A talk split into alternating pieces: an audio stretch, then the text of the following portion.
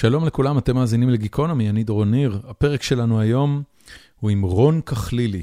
אה, רון כחלילי התחיל את הקריירה שלו כפרסומאי, לאחר מכן הפך לעיתונאי, אה, דוקומנטריסט, יוצר, ובמהלך הפרק גם גיליתי עוד כמה קרדיטים מחמיאים שיש לבן אדם. אה, עומד להיות סופר, הספר הראשון שלו עומד לצאת, היה ממקימי הקשת הדמוקרטית המזרחית, ארגון ש... אולי בפעם הראשונה בתולדות ישראל, איגד אקדמאים מעדות המזרח כדי לנסות לתקן את הנרטיב של עדות המזרח בארץ. וזאת הייתה שיחה סופר מעניינת, שנוגעת בהרבה מהעצבים החשופים שמדינת ישראל עדיין מתמודדת איתם. וגם בהיסטוריה של, של עשרות השנים האחרונות, שרון ראה פרק נורא מגניב ממנה, מזווית הראייה האישית שלו. בסוף הפרק, על פי הנוהל, חפירה, ושתהיה לכם בינתיים האזנה נעימה, פרק 620 עם רון כחלילי.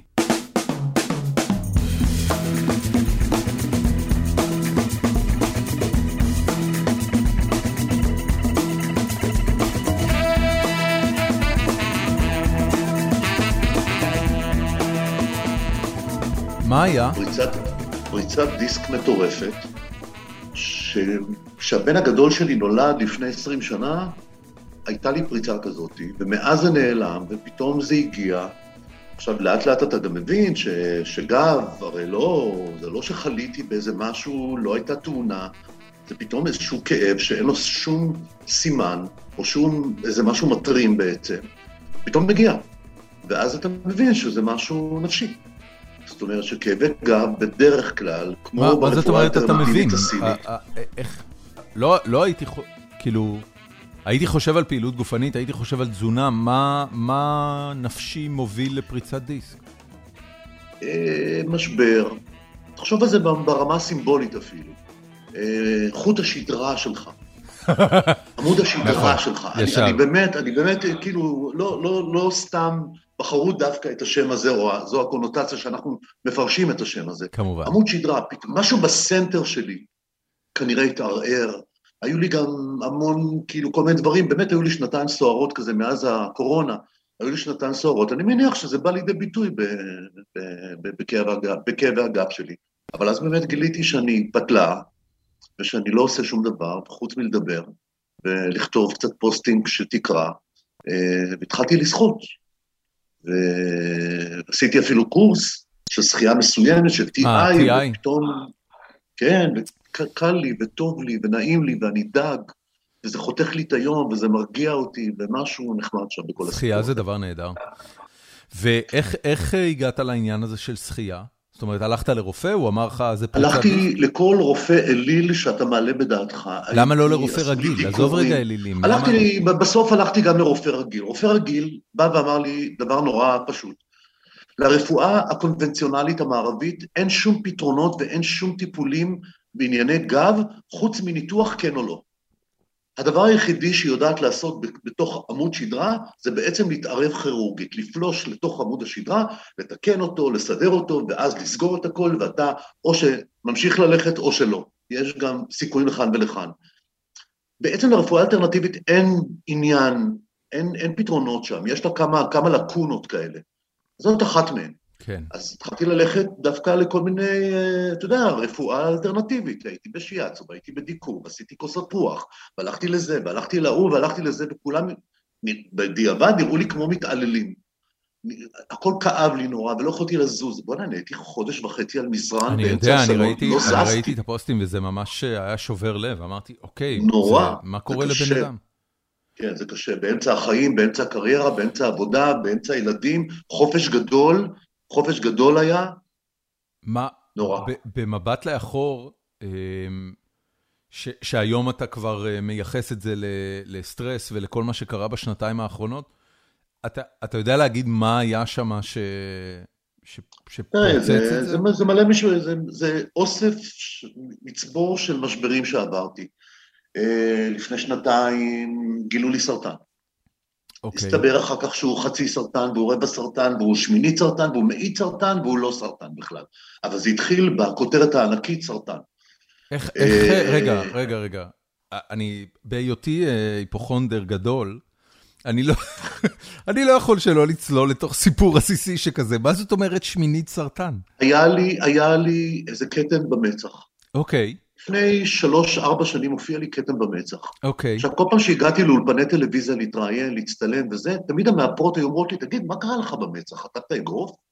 חטפת מכה? משהו נטרק עליך? משהו נזרק עליך?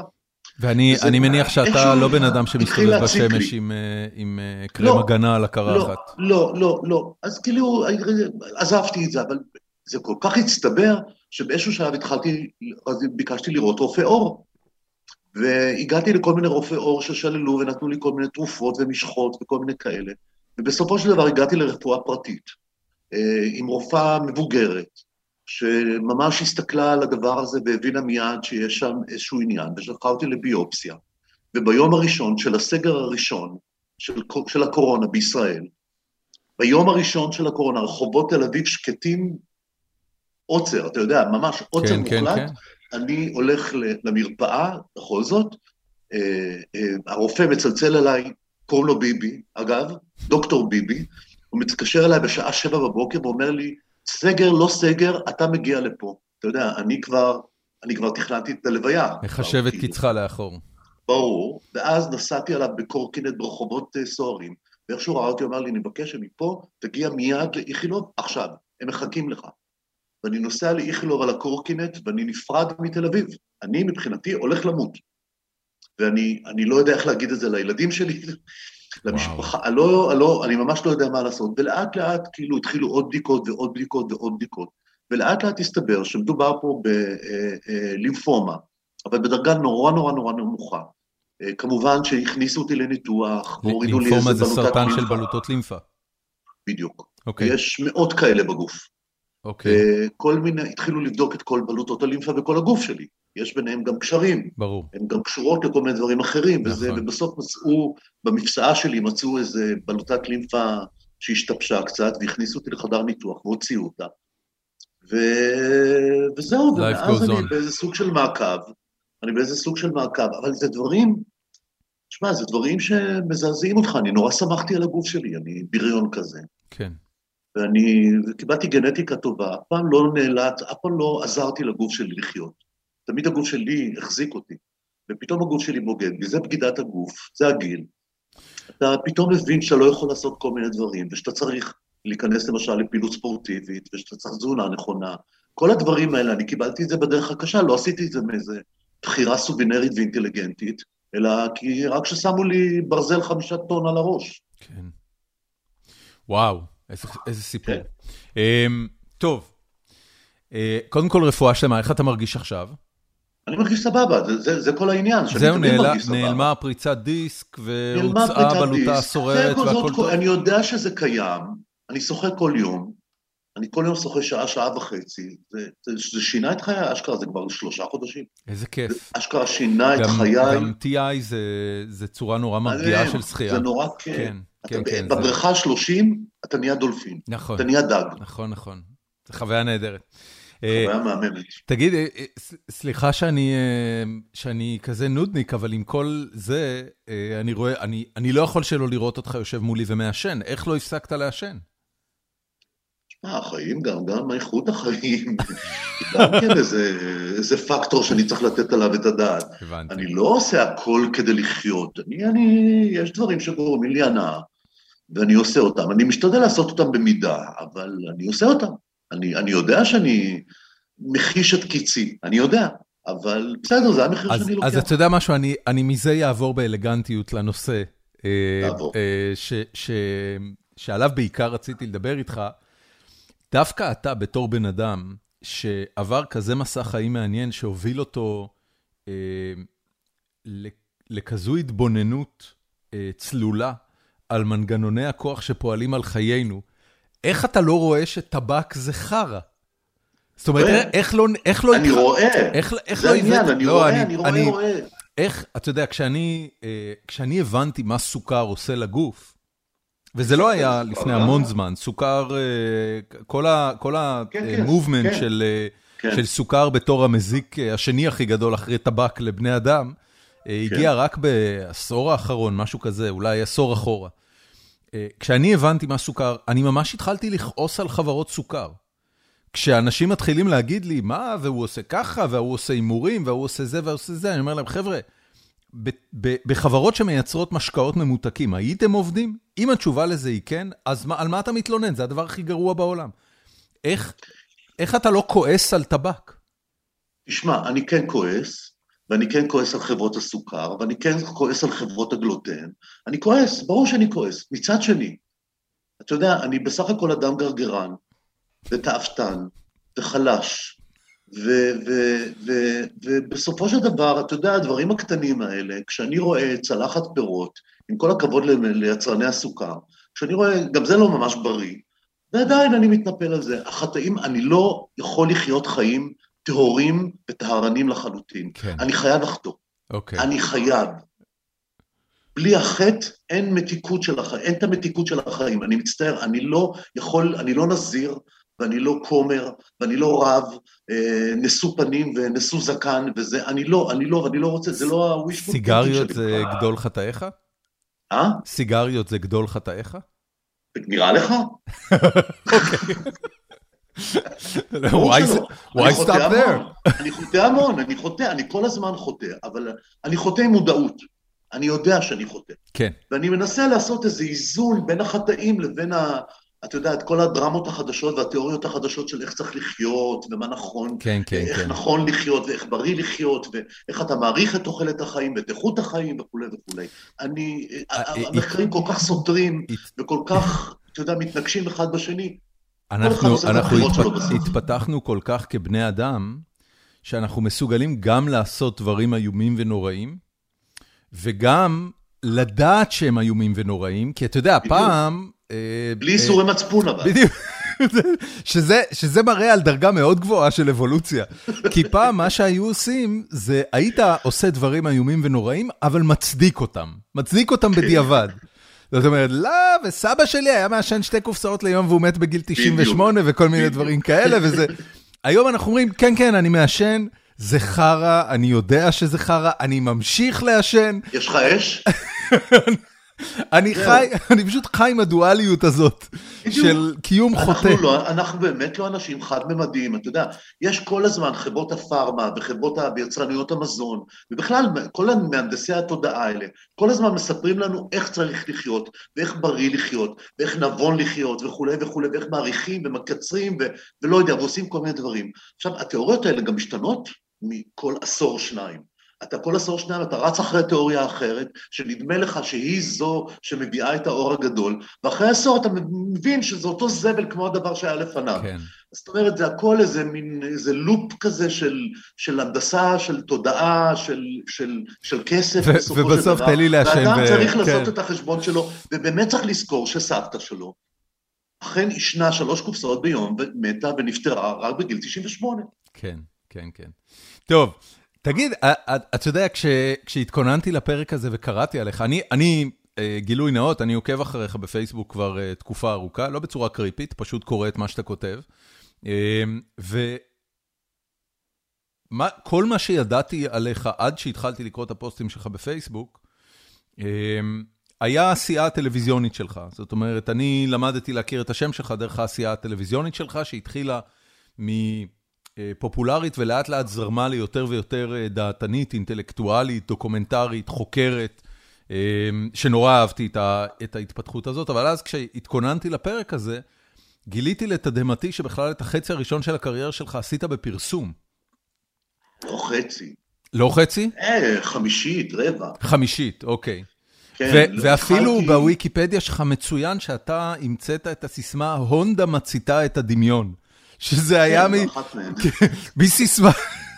אתה יודע, זה מצחיק, פתאום בלאסט פור דה זה נורא אנכרוניסטי, זה נורא אנכרוניסטי, כן, כן, כאילו, מציתה את הדמיון, מי מדבר ככה? אני חושב שזה נורא יפה. נועה כאילו לא יודעת על מה מדובר, מה זה מציתה את הדמיון, מבעירה את האוטו? מה? כאילו... הונדה מציתה, תראי, יש מצתים באוטו, אז היה בזה משהו... אני יודע, אבל מציתה את הדמיון, זה מין דמיון כזה, אתה יודע, זה... מדובר על תחילת שנות ה-80 של המאה הקודמת, השפה היא עוד שפה עברית. אליצית, כן. יש שפה עברית רשמית ויש שפה רחובית. נכון. וכשכותבים, גם כשאתה כותב פרסום, למרות שזה נחשב למשהו נחות, גם אז, אתה משתדל לכתוב בשפה כמה שיותר כן. גבוהה. כן. בטח מכוניות, בדיוק, בנקים, מכוניות, מוצרי יוקרה. ולכן ההונדה שרצו להתבדל באופן מסוים מכל המכוניות הפושטיות, הפיאט וכל ה... אתה יודע, כל האירופאיות המאפניות האלה ביניהם. בדיוק. בדיוק. אז הם חיפשו את הדיבור הזה, כן, אבל התחלתי בפרסום. אתה זוכר מה היה, זאת אומרת, כשאתה הבאת את הונדה מציתה את הדמיון, שאני מניח שזו הפעם הראשונה שמכרו הונדה בארץ, כי הונדה לא היה רכב פופולרי. כן, זה קמפיין החדירה של הונדה לישראל. מה הייתה הסיסמה של סובארו? אולי אוטו עממי, או משהו עממי. אוקיי. זה... סובארו אז היה מכונית כל משפחתית, היה את הסובארו סטיישן, זה היה מכונית כל משפחתית. נכון, ואחר כך היה מזדה, ואחר כך הייתה מזדה, והיו כל מיני תקופות כאלה. כן. אבל אני לא חושב שהונדה הפכה לאי פעם, הפכה לאוטו כל כך פופולרי כמו סובארו או מזדה. היא תמיד איכשהו החזיקה מעצמה איזה אוטו קצת יותר, היא גם יותר יקרה הייתה, מהמכוניות למשל מפיאט. אוקיי. איך, איך הגעת בכלל לפרסום? תשמע, אני השתחררתי מהצבא, הייתי בגלי צה"ל והייתי בלהקה צבאית. אוקיי. Okay. והיה ברור שהפורטה שלי הוא כתיבה. זה, זה, זה, זה היה ברור לי מאז שהייתי ילד. חיפשתי רק איזשהו, איזושהי פלטפורמה כדי להוציא את הכתיבה החוצה. עוד לא הבנתי מה אני רוצה לכתוב, עוד לא היה לי קול. הייתי ילד קטן, ילד קטן ודי מפונק, שגדל בפנימייה יוקרתית, ויצא לעיר הגדולה, עבר דרך המסלולים המחפשים, כמו גלי צה"ל ולהקה צבאית, שבסוף שנות ה-70 היו באמת מקפצות לתוך החיים האזרחיים, מקפצות ענק לתוך החיים האזרחיים. כן. כלומר, היו לי קלפים בארנק. והגעתי וחיפשתי דרכי. והכרתי איזה מישהו שהכיר מישהו ש... וזה, ואז היה מה שנקרא קופי, מבחן קופי כזה.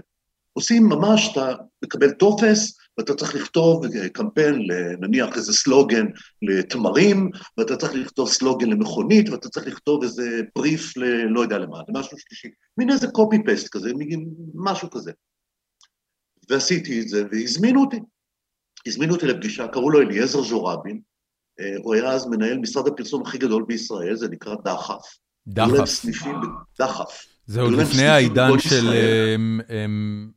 מקן וכל החבר'ה שהגיעו לארץ. מקן זה שנות ה-90 כבר. כן, כן, זה עשור קודם. ממש, אני מדבר איתך על תחילת שנות ה-80, שהפרסום רק התחיל להגיע לישראל דחף עוד היו אה, סוכני ידיעות, אה, ידיעות אבל, ידיעות אה, ברכות ללידה וכל מיני כאלה, רק עשו את הצעדים הראשונים לקראת העולם התעשייתי החדש, המודרני, שמשתמש בפרסום ככלי לשיווק בכלל. כן. זה לא היה. היה באירופה איזה שני עיראקים, אני זוכר סיפור כזה, סאצ'י סאצ'י, איזה חברת פרסום נורא נורא גדולה של צמד עיראקים יהודים שהגיעו ללונדון ומלונדון כבשו את ניו יורק ועשו עליהם לימים, עשו עליהם, או בהשראתם, את הסדרה מד. כזה מין. מדמן? כן. אוקיי. וכל הרעיון הוא, כל הרעיון של פרסום היה מאוד בחיתולה, ואף אחד לא ידע עוד מה הדבר הזה, כי, כי אני זוכר בריפים שהמנהלים שלי, אליעזר ז'ורבין ואחרים, היו אומרים לי, תכתוב, תביא פסוק מהתורה. וואו. זאת אומרת, הם לא, בדיוק, היה נניח חגים, מגיעים חגים ואתה רוצה למכור תמרים, במקרה השתמשתי בתמרים מקודם. תביא משהו מהתורה, תמר ואלה בתמר, תגיד איזה משהו תנכי, כי זה נתפס להם כסוג של פרסום. הם עוד לא הבינו את השפה החדשה, הרחובית, שמתגנבת דרך הפרסום לתוך הקנון של השפה. הם עוד לא, הדברים היו באמת בחיתולים שלהם. אני זוכר כל הזמן שהיו באים ושואלים כאילו, מי קהל המטרה? למשל, שאלות שהתחילו להישאל רק. כי כל הזמן היה אנחנו וכולנו, ואתה יודע, אנחנו עם אחד, ושיר אחד, ולב אחד, ופתאום אתה צריך, היית שואל, תגיד, אוקיי, הבאתם לי את המכונית הונדה, מה, מי קהל המטרה של הונדה? הם אמרו, כולם. זה היה עוד השנים האלה. כן, עוד לא התעסקו בפילוחים. רק לימים השתכלל, אוקיי, הונדה זה מכונית ראשונה לאנשים מבוגרים, שבגיל כזה וכזה, ממוצא כזה וכזה, שיושבים בערים כאלה וכאלה ומצביעים למפלגה הזאת והזאת, והמעמד שלהם הוא כך וכך. כן. זה לקח המון המון שנים, אני ממש הייתי בחיתולים של הדבר הזה, ו- ואלה היו הסיסמאות של אותן שנים, כאילו, זאת הייתה העברית, זה היה wishful thinking, זה היה הדבר הזה שצריך לשאוף אליו. עברית תקינה, יש לנו אחריות ציבורית, אנחנו מביאים פה איזה משהו מאוד זה... אל תשכח שהפרסומאים, המפרסמים, עוד לא היו חברות מסחריות, הונדה היא אחת מחברות המסחריות הראשונות. רוב המפרסמים היו אה, כל מיני משרדי ממשלה ואגודת הרופאים ואגודת הלולנים ואגודת הביצים ואגודת הגויאבות וכל מיני כאלה. כן. זה הכל היה עוד מה, עולם מה סוציאליסטי ישר. מה שאז בטלוויזיה היה תשדירי שירות. לא בדיוק, קראו לזה אפילו פרסומות, כי הטלוויזיה לא הייתה מסחרית. בדיוק, לא היו סרטוני פרסומת. כן, כן. אני, כשאני התחלתי לעשות סרטוני פרסומת, הם היו בכלל בבתי קולנוע. וכל סרט נכון, פרסומת היה שתי דקות נכון, וחצי, נכון. שתי דקות וחצי, שלוש דקות. אגב, הסרט אה, דיזנגוף 99 אה, בדיוק מתעד את התקופה הזאת. אה, גידי גוב נכון. משחק שם מישהו שרוצה להיות קולנוען, אבל, אבל אין קולנוע כל כך בארץ, אז הוא הולך לעשות פרסומות, ו... וזה נכון, בדיוק נכון. נראה ככה, הם עושים פרסומת לבירה נכון, או מה שזה לא יהיה. נכון, וחלי גולדנברג, השותפה שלו באותו סרט, היא עושה למשל אחד מסרטי הפרסומת הראשונים, האייקונים, של גם יפה וגם מופע. אוקיי. חשבתי שתגיד הקרב על המילקי. זה סרט של איזה שלוש דקות, אני אומר לך, זה אפוס מטורף, זה פיצ'ר. גם יפה וגם מופע? זה לא פרסומת. אה? אני אחפש את זה אחרי זה. חשבתי שתזכיר את הקרב על המילקי, שבתקופתו היה אה, סרט, אבל לדעתי זה טיפה יותר מאוחר. זה כבר יותר מאוחר, אני חושב שמתחילה כבר אה, השיגועים האלה, כל המצלמה נסתרת, זה שנות ה-80 היותר באמצע, זה בהשראתם. איך נראתה אז תעשיית הפרסום? זה היה... קטנה, עלובה, קטנה, עלובה, מתנשאת, מתנשאת, okay. ובעיקר, בעיקר משרתת של אדונים. היא הייתה נורא נורא נורא פוליטית. אני, כל מנהלי משרדי הפרסום של אותן שנים, לתקציבי לפ"ם? כל מנהלי הפרסום, בדיוק, הם היו צריכים להגיע לכל האגודות האלה, לכל הענפים האלה, שבדרך כלל היו ענפים שהיו יושבים או בהסתדרות, או בתוך משרדי הממשלה, והם היו צריכים להגיע לשר הממונה כדי לזכות בתקציב. זאת אומרת, האנשים, הפרסומאים הראשונים הם אנשים פוליטיים, זה דוד אדמון, שהיה מקורב ליצחק מודעי ולתנועה הליברליים העצמאיים, שאחר כך הצטרפה לליכוד, והיה ג'ו רבין, שהיה מקורב לכל בגין ויצחק שמיר בעיקר, אני, אני זוכר את יצחק שמיר ואת אשתו שולמית נכנסים ויוצאים ממשרד הפרסום כל יום כמעט. למה? הוא היה אז ראש ממשלה. מה? למה הם, למה הם היו שם? זאת אומרת, מה היה להם במשרד פרסום? הם מזמינים, למשל, אני זוכר, אה, אה, ז'ורבין יום אחד כינס אותנו, ואמר את כל הקופירייטרים, אני הייתי קופירייטר, ועבדו שם, רק שתבין, התקציבאית שלי באותם ימים הייתה יעל דיין, זאת אומרת, זאת שעובדת מולי, זה, זה אנשים כאלה, כולם נורא נורא פוליטיים. אוקיי. Okay. זה משרד נורא נורא פוליטי. ויום אחד אה, ז'ורבין קורא לנו, הוא נפטר, אני חושב, והוא מספר שלכל ראש ממשלה, אה, אה, יצחק שמיר רק התמנה לראשות הממשלה, אוקיי? אוקיי. ממשלת האחדות הלאומית, שנות ה-80. אוקיי, כן. והוא בא ואומר, אה, ראוי שלכל אשת ראש ממשלה יהיה איזשהו נושא שהיא מקדמת. זאת מקדמת את אקים, ילדים נכים, וזה אוטיסטים, וזה ככה, וזה ככה. הבריף שלכם הוא למצוא לגברת שולמית שמיר, למצוא לה תנועה פוליטית שתקדם אותה כאשת ראש הממשלה שעושה משהו למען הציבור. וישבנו וחשבנו, והפמיניזם היה אז בחיתוליו. ואני המצאתי, אני באתי ואמרתי שהיא צריכה להקים תנועה של נשים למען נשים, וקראנו לזה תנועת נילי, כמובן שנשענו על השם המקורי נילי, ונצח ישראל לא ישקר, משהו כזה, כאילו המצאנו איזה משהו נורא נורא הירואי, וזו תנועה פמיניסטית של נשים למען נשים, נשים מקדמות נשים. כמובן ששום דבר מזה לא קרה בסופו של דבר, אני לא יודע לאן היא הלכה, היא בטח הלכה לילדים נכים, או כל מיני דברים, זה היה יותר מקובל. אוקיי. Okay. אבל משרדי הפרסום היו מאוד מאוד ממשלתיים. אני זוכר, למשל, אני עבדתי, הייתי מנהל אה, המחלקה הקריאיטיבית בפרסום אדמון. פרסום אדמון בתחילת שנות ה-80 היה לדעתי המשרד הכי גדול בישראל. הליכוד פרץ, הוא בתוך הליכוד יחד עם יצחק מודעי, מחנה מאוד משמעותי, הוא מקבל את כל התקציבי הבנייה מעבר לשטחים.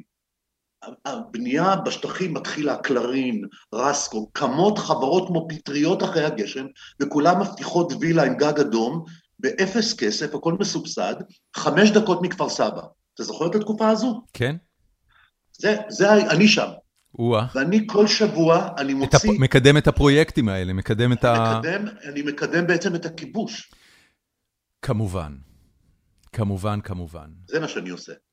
אתה מודע לזה זאת אומרת, זה משרדים רגע? מאוד מאוד פוליטיים, השאיפות של הפרסום באותן שנים הוא בעצם סוג של נייר לקמוס של העולם הפוליטי. הוא מבטא באופן פופולרי אולי את, את, ש, את השאיפות הכמוסות של העולם הפוליטי שיושב מאחוריו ובעצם מזרים לו תקציבים. כן. אתה מבין? כאילו אי אפשר היה, עוד לא היו חברות עצמאיות, היה שטראוס והיה זה, היו, הם קטנים, והם היו מאוד קטנים, זה עוד לפני... אתה אומר, המפרסמים הגדולים באותם שנים הם פשוט הממשלה, הם פשוט המקום הממשלה, שממנו הכסף... המנגנונים הממשלתיים, המנגנונים כן. הממשלתיים, כן. אגודות גדולות, האגודה למלחמה בסרטן, והאגודה לצמחי הבר, והאגודה ללולים, ואני אומר לך, זה ממש אגודות, הכל היה אגודות. אני זוכר גם שאסור היה להגיד את השמות של המוצרים, היו לזה מגבלות, והאם אתה נכנס לתוך הקטגוריה האגודה או לא, זאת אומרת, היו שם כל מיני דברים, אני אני שנייה אה, רוצה לשאול אותך, קודם כל, אם אני מבין נכון, בסופו של דבר, כל הכסף הזה, כל ה, אה, כל כספי הפרסום, אה. זרמו לשניים, שלושה עיתונים ואולי שתי תחנות רדיו שהיו אז. אז בסופו של דבר, אתם, ואתה ספציפית בחדר של הקופירייטרים, יושבים בצומת שמצד אחד נכנס כסף ממשלתי רב, ואז זורם למדיה המקומית שהיא באמת לא רבה ולא גדולה. נכון. אמ, ואיך הדבר הזה נראה? אתה, אתה, אתה אמרת קודם שכולם... לך, אתה רוצה, סיפור דורון? יאללה, אני רוצה, בטח שאני אני רוצה. מנהל, אני מנהל מחלקת הקריאיטיב בפרסום אדמון, כאמור, הוא או הראשון בישראל הכי גדול, או השני, משהו כן. כזה, אוקיי? אני המנהל מחלקת פרסום, אחד מהמפרסמים הכי גדולים בישראל באותן שנים, אפרופו פרטיים, דובק. אוקיי. יצרנית הסיגריות דובק. בראש דובק אירופה. עומד זורח גל. הוא לימים בורח ללונדון ומסתבך באיזו פרשייה מאוד גדולה. הוא היה בעיניי אחד האנשים הכי מקסימים בעולם. הוא היה קטן, הוא היה יושב במשרדים ספוגי עשן סיגריות, הכל סיגריות מסביבו, כאילו עוד לא הייתה תודעה של אסור לעשן וכאלה, אפשר היה לפרסם סיגריות all over, כאילו כל העיתונים, הוא היה מפרסם מאוד משמעותי, מאוד גדול. ויום אחד אנחנו הגענו אליו למכרז, אני ודוד אדמון ועוד איזה מעצב. והצגנו לו אה, אה, קמפיין, שלושה קמפיינים, לשלוש, לשלושה, סוג, לשלושה סוגי סיגריות. אני זוכר, לאירופה, למונטנה ולשרתון. לא טיים? איפה טיים? אין, לא היה טיים, זה, זה היה המכרז, המכרז היה לשלושה סוגים. אוקיי. Okay. אנחנו מביאים קמפיין נורא יפה, והוא מסתכל, והתחרו איתנו אה, שלוש, ארבע, חמש חברות פרסום אחרות.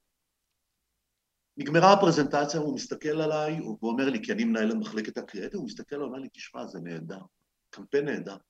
אבל מה שיעשה את הדבר הזה, אם אפשר יהיה להעלות את מחירי הסיגריות. ממשלה אז, באותן שנים, יכולה הייתה לשים רגולציה, היא שמה רגולציה על מחירי הסיגריות. אי אפשר היה להעלות את מחירי הסיגריות הישראליות מעבר לשערים שנקבעו על ידי הממשלה. וזה היה חלק מהפיתוי של, של משרדי הממשלה, משרדי הכלכלה לציבור. אנחנו לא מעלים לכם את הסיגריות. בארה"ב זה נמכר בעשרה דולר, אצלנו זה נמכר בשני שקלים. אוקיי, סיגריות עלובות, זה הכל חסה מיובשת, זה משהו מזעזע. בקיצור, אומר לי, ענה, אם אתה מעלה את המחיר, הם מקבלים את הקמפיין. דוד אדמון, זיכרונו לברכה, יושב לידי. הוא מרים טלפון בנוכחותו של זורח גל, המנכ"ל, הוא מרים טלפון למודעי. למחרת, השער הראשי בידיעות אחרונות, הכותרת שלו, מחירי הסיגריות עלו. לא יאמן. אנחנו קיבלנו את הקמפיין, אנחנו קיבלנו את הקמפיין. לא יאמן. עשינו שלושת הסיגריות האלה. וואו. זה, זה העולם הפרסום של שנות ה-80. וזה, וזה ליכוד, זאת אומרת, זה ממשלות ליכוד, זה, זה לא... זה ליכוד לגמרי, זה רק ליכוד. זה לא מפא"י, מפא"י, כשמפא"י הייתה בשלטון עוד לא היה פרסום. אוקיי. עוד לא היה פרסום, באמת היה בלב התמר וכל מיני משפטים ישראלים כאלה, טרומפלדור ותנ"ך וכל מיני דברים הירואיים כאלה, אתה יודע, גדולים מהחיים. מפא"יניקים, נו, אתה יודע, מנותקים. כן. אני מדבר איתך, ליכוד, הליכוד, זה שנות ה-80. הליכוד עולה ב-77, אנחנו מדברים על תחילת שנות ה-80, זה אפילו לפני ממשלות, ממשלת האחדות רק התחילה. כן, כן, כן. שמיר רק מגיח לעולם אחרי בגין, פוסט בגין, כלומר אנחנו אחרי מלחמת 84. לבנון הראשונה. אנחנו אחרי מלחמת לבנון הראשונה בעצם. כן, כן, כן. וזה עולם שרק מתחיל להיות חלק מהגלובליזציה. נכון. ישראל הקטנה והקרטנית והמתבדלת, שכולה מוקפת אויבים וכל האגדות האלה, בעצם לראשונה נפתחת באמצעות הכסף והפרסום. אגב, נפתחת לעולם הגדול, ונהיית חלק מהתנועה הזאת שמתקדמת לכאורה קדימה. כן. תגיד, כש, כש, כאילו תעשייתי כשראית. את הדבר הזה בזמן אמת מול העיניים, את מה? את, את, אתה יודע, אתה, אתה מתאר פה כן. חוויה של להיות באיזושהי צומת שמלא כסף ציבורי זורם דרכה? כפרה. אה, אחרי הפרשה, אחרי האקסידנט עם, אה, עם זוהר חגל ודוד אדמון, עזבתי את פרסום אדמון, וואלה, אוקיי. כי מה? אוקיי? חשבת כבר- שזה מושחת? אני כבר אז, ברור. מה, זה בכלל לא משנה אם אני עושה עבודה טובה או לא טובה, כל כך התבאסתי מזה, כי עשינו עבודה באמת מצוינת. בן כל כמה כך היית? התבאסתי מזה. מה? בן כמה היית אז? 25, 24. הי- היית 26. נשוי? היו ילדים? היית צריך לפרנס? לא, לא, לא שום דבר, ילד ארכי פרחי, אוקיי. ב- במועדונים, סקס סמים ורוקנרול. בכלל, לא קשור בכלל. אני לא כמוך, הייתי איש כבר בגיל 6. גם אני לא. לקח לי זמן. אה, אוקיי. אז אז עזבת את הפרסום. כאילו, מה- מה מה היה השבר לא, בהתחלה מבחינתך עברתי שם? לפרסום אחר, עזבתי את דחה בהתחלה, ועברתי לפרסום אדמון, ומפרסום אדמון, אחרי ה accident הזה, עברתי לפרסום שנקרא קשר בראל. וקשר בראל הוא היום, כאילו, היום החברה, אני חושב, הכי גדולה, כאילו, אבל הוא שינה את שמו, הוא גם, הוא גם נקנה על ידי זה, הכל גלובלי, זה הכל כזה, זה, אין חברות ישראליות מקוריות, אתה יודע, מקומיות, זה הכל כזה קשור, זה הכל Saatchi & Saatchi כזה גדול וענק, אתה יודע, כן, באמת כן, כבר כן. גלובלי. זה מחובר למשרדי פרסום בחו"ל. אמ, כן. אתה, אה, אתה יודע, זה, ציינתי קודם את הסרט דיזנגוף 99, שהוא מה- מסרטי הילדות האהובים עליי, אה, ושמה כל המתח שהגיבור אה, הראשי נמצא בו, זה בין התחושה ש... אה, אם אתה עושה את הפרסומות הנכונות, אתה תעשה כסף, אבל מצד שני אתה משקר לאני האומנותי שלך. זה היה כזה? זאת אומרת, אמרת, אני לא יכול אני לחיות לא בשקר שיקרתי הזה? לאני האומנותי שלי, אני שיקרתי לאני הפוליטי שלי. שזה מה אומר? למשל, אה, כשעשיתי אה, מסעות פרסום מאוד ראוותניים שזכו בהמון פרסים לרסקו אוקיי. ולקלרין, שמכרו כל מיני בתים וחלומות באספמיה לאנשים תמימים, בדרך כלל בוגרי שכונות ועיירות פיתוח. בואו תעזבו את העליבות שלכם ותעברו לדבר החדש הזה, אנחנו נסבסב אתכם כמעט במאה אחוז, אנחנו ניתן לכם בית עם גג אדום, ובינתיים אנחנו נבסס את הכיבוש ואת האפרטהייד. אני הייתי חלק מהדבר הזה, כן, אני בפירוש מכה לכם, וזה בפירוש אחת מהסיבות שבגללן לא יכולתי לחיות עם המצפון שלי. המצפון שלי אז הלך והתעצב, אני בחור צעיר, המצפון שלי אז הולך ומתעצב, אני מבין יותר ויותר דברים, אני קורא יותר ויותר דברים, אני גם עיתונאי, עיתונאי נדרש, אני מתחיל גם במקביל לפרסום, אני גם מתחיל לכתוב. בעיתונות, אני עושה את זה תמיד במקביל. אני אף פעם לא מסתפק בקריירה אחת, אני תמיד מנהל שתיים, שלוש קריירות מקבילות. אז אני מתחיל לכתוב, ועיתונות דורשת ממני התעמקות. התעמקות אז לא הייתה דרך גוגל ודרך הרשת, אלא הייתה ללכת לבית אריאלה ולשבת בספרייה במשך חודשים ושנים. אני זוכר את עצמי עכבר ספריות ועכבר ארכיונים, יושב שעות וימים וקורא על דברים שאני צריך לקרוא עליהם, כי אני צריך לכתוב עליהם איכשהו. כלומר, גם משהו בשטחיות של הפרסום הפסיק לעניין ולהיות אטרקטיבי בעיניי. נמאס לי, התפתחתי, רציתי יותר מילים, משפטים יותר ארוכים. מה זאת אומרת? כל העולם, כל תפיסת העולם שלי מתמצאת בהונדה מציתה את הדמיון? לא, יש לי דברים יותר חשובים להגיד לעולם. הדעות שלי רק הלכו והתעצבו באותן שנים, והבנתי כבר מההתחלה שיש בהם משהו מיוחד, יש בהם איזו תרכובת מיוחדת, אני לא יודע אם הם קוראים, המקוריות הגיעה הרבה יותר מאוחר, אבל יש בהם איזה משהו מיוחד. אני מניח דברים אחרת על השולחן, וחשבתי שצריך לזה קול, ורציתי יותר לספר סיפור שהוא יותר ממשפט אחד שמפאר איזה מוצר מושחת. אוקיי. ואז אתה אומר, עזבת את עולם הפרסום בשנות ה-20 שלך, כן. הלכת לעיתונות? תחילת שנות ה-30. תחילת שנות ה-30. סוף ה-20, שנות ה-30 כזה. אני יום אחד... אז אנחנו כבר ב nineties בעצם. אנחנו ב nineties, כן. ש, אני ש... מקבל טלפון. אז אני זוכר פחות או יותר שהתחלתי לשמוע את השם שלך, אני לא יודע אם זה היה פעם ראשונה דרך עיתונות, או שזה כבר היה בתחום של טלוויזיה. תראה, אני תמיד איזוטרי, הייתי תמיד איזוטרי. הייתה לי תקופה בתחילת ימי ערוץ 2 שהייתי בפריים טיים, הרבה שנים שם, אבל אני התחלתי באיזוטריה ואני מסיים באיזוטריה. אני לא כתבתי בעיתונים הגדולים, אני לא כתבתי בידיעות ומעריב, אני אוקיי. כתבתי ב- על המשמר, התחלתי את הקריירה שלי בעל המשמר, שזה היה פתרון של הקיבוצים, באמת, עיתון קטן, אה, משפיע מאוד, אבל קטן. משם עברתי לחדשות, עברתי למוניטין, עברתי להארץ, אני, אני, ח- אני חדשות היה המקום שבו באזורים- קראתי אותך לראשונה, היה, אתה זוכר שבעמוד האחורי דן בן אמוץ כתב, והוא היה כותב לששת קוראיו. אז. אני הייתי אחד מששת קוראיו של חדשות במשך כל שנות אני, קיומו. ואתה לא תאמין, אבל הוא היה אפילו שותף שלי לחדר באיזשהו שלב. באמת? דן בן. אמוץ? דן וואו. בן אמוץ. Oh my God. דן בן אמוץ. כן, האיש שנמחק. כן. האיש שנמחק, ואולי האיש שהכי השפיע עליי ועל הכתיבה שלי. למה אתה אומר נמחק? בגלל הביוגרפיה של בגלל דנקנר? דנקנר, כן, בגלל. אמנון דנקנר, הביוגרפיה רצחה אותו, הוא איש כל כך חשוב, הוא הפך אותי לאדם כותב. אני פעם ראשונה ראיתי כתיבה לא מנופחת. כן, הוא פעם כתב ראשונה מדהים. ראיתי כתיבה בן לא... אדם עם כישרון. אדיר. הוא כישרון אדיר, אני לא... כן, זה כן. כל כך היה קרוב לפרסום גם, מה שאיך שהוא כתב. זה, זה קודש בחול, בחולין, ו- ו- והכל יושב גבוה ונמוך, ורחב וצר, וסטריאוטיפי, והכי חד ודק, הכל יושב באותו משפט, זה מהמם, הכי פוסט-מודרניסטי שאפשר בכלל להעלות על נכון, הדעת, עוד לפני נכון, שהיה נכון. פוסט-מודרניזם בכלל. נכון. דן בן אז זה היה. אז הגעתי כאילו לעיתונות. עכשיו, בעיתונות, תראה, אני חושב שניהלתי, עברתי, כאילו הצלחתי, אבל ניהלתי קריירה די, די כושלת. למה אתה קורא לזה כושלת? כי לא אמרתי כלום. הייתי עיתונאי כמו כולם. כתבתי, כאילו התחכמתי במילים, אה, אני, אני שולט ב, ב, במקלדת, או בעט, אז זה היה, או במכונת הכתיבה, אני שולט בדבר הזה, אני כן. ידעתי להתחכם, וידעתי לספר סיפור, את אותו סיפור, את אותו נרטיב, כמו שסיפרו לפניי מחיים גורי וחיים אה, זה וכל האחרים, אני סיפרתי את אותו סיפור בשפתי, עם התחכומים שלי, הם היו עם התחכומים שלהם, אני לא הרגשתי שאני מביא משהו חדש.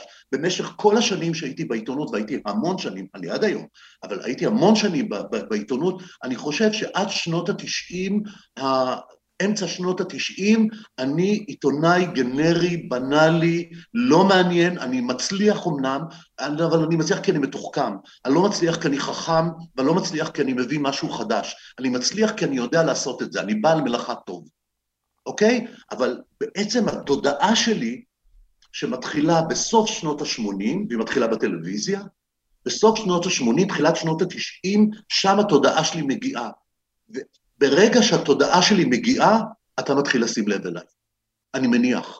כי אני אומר משהו שלא אמרו לפניי, לא באופן שאני אומר, ולא במקום שאני אומר. זה זה המשפט המדויק.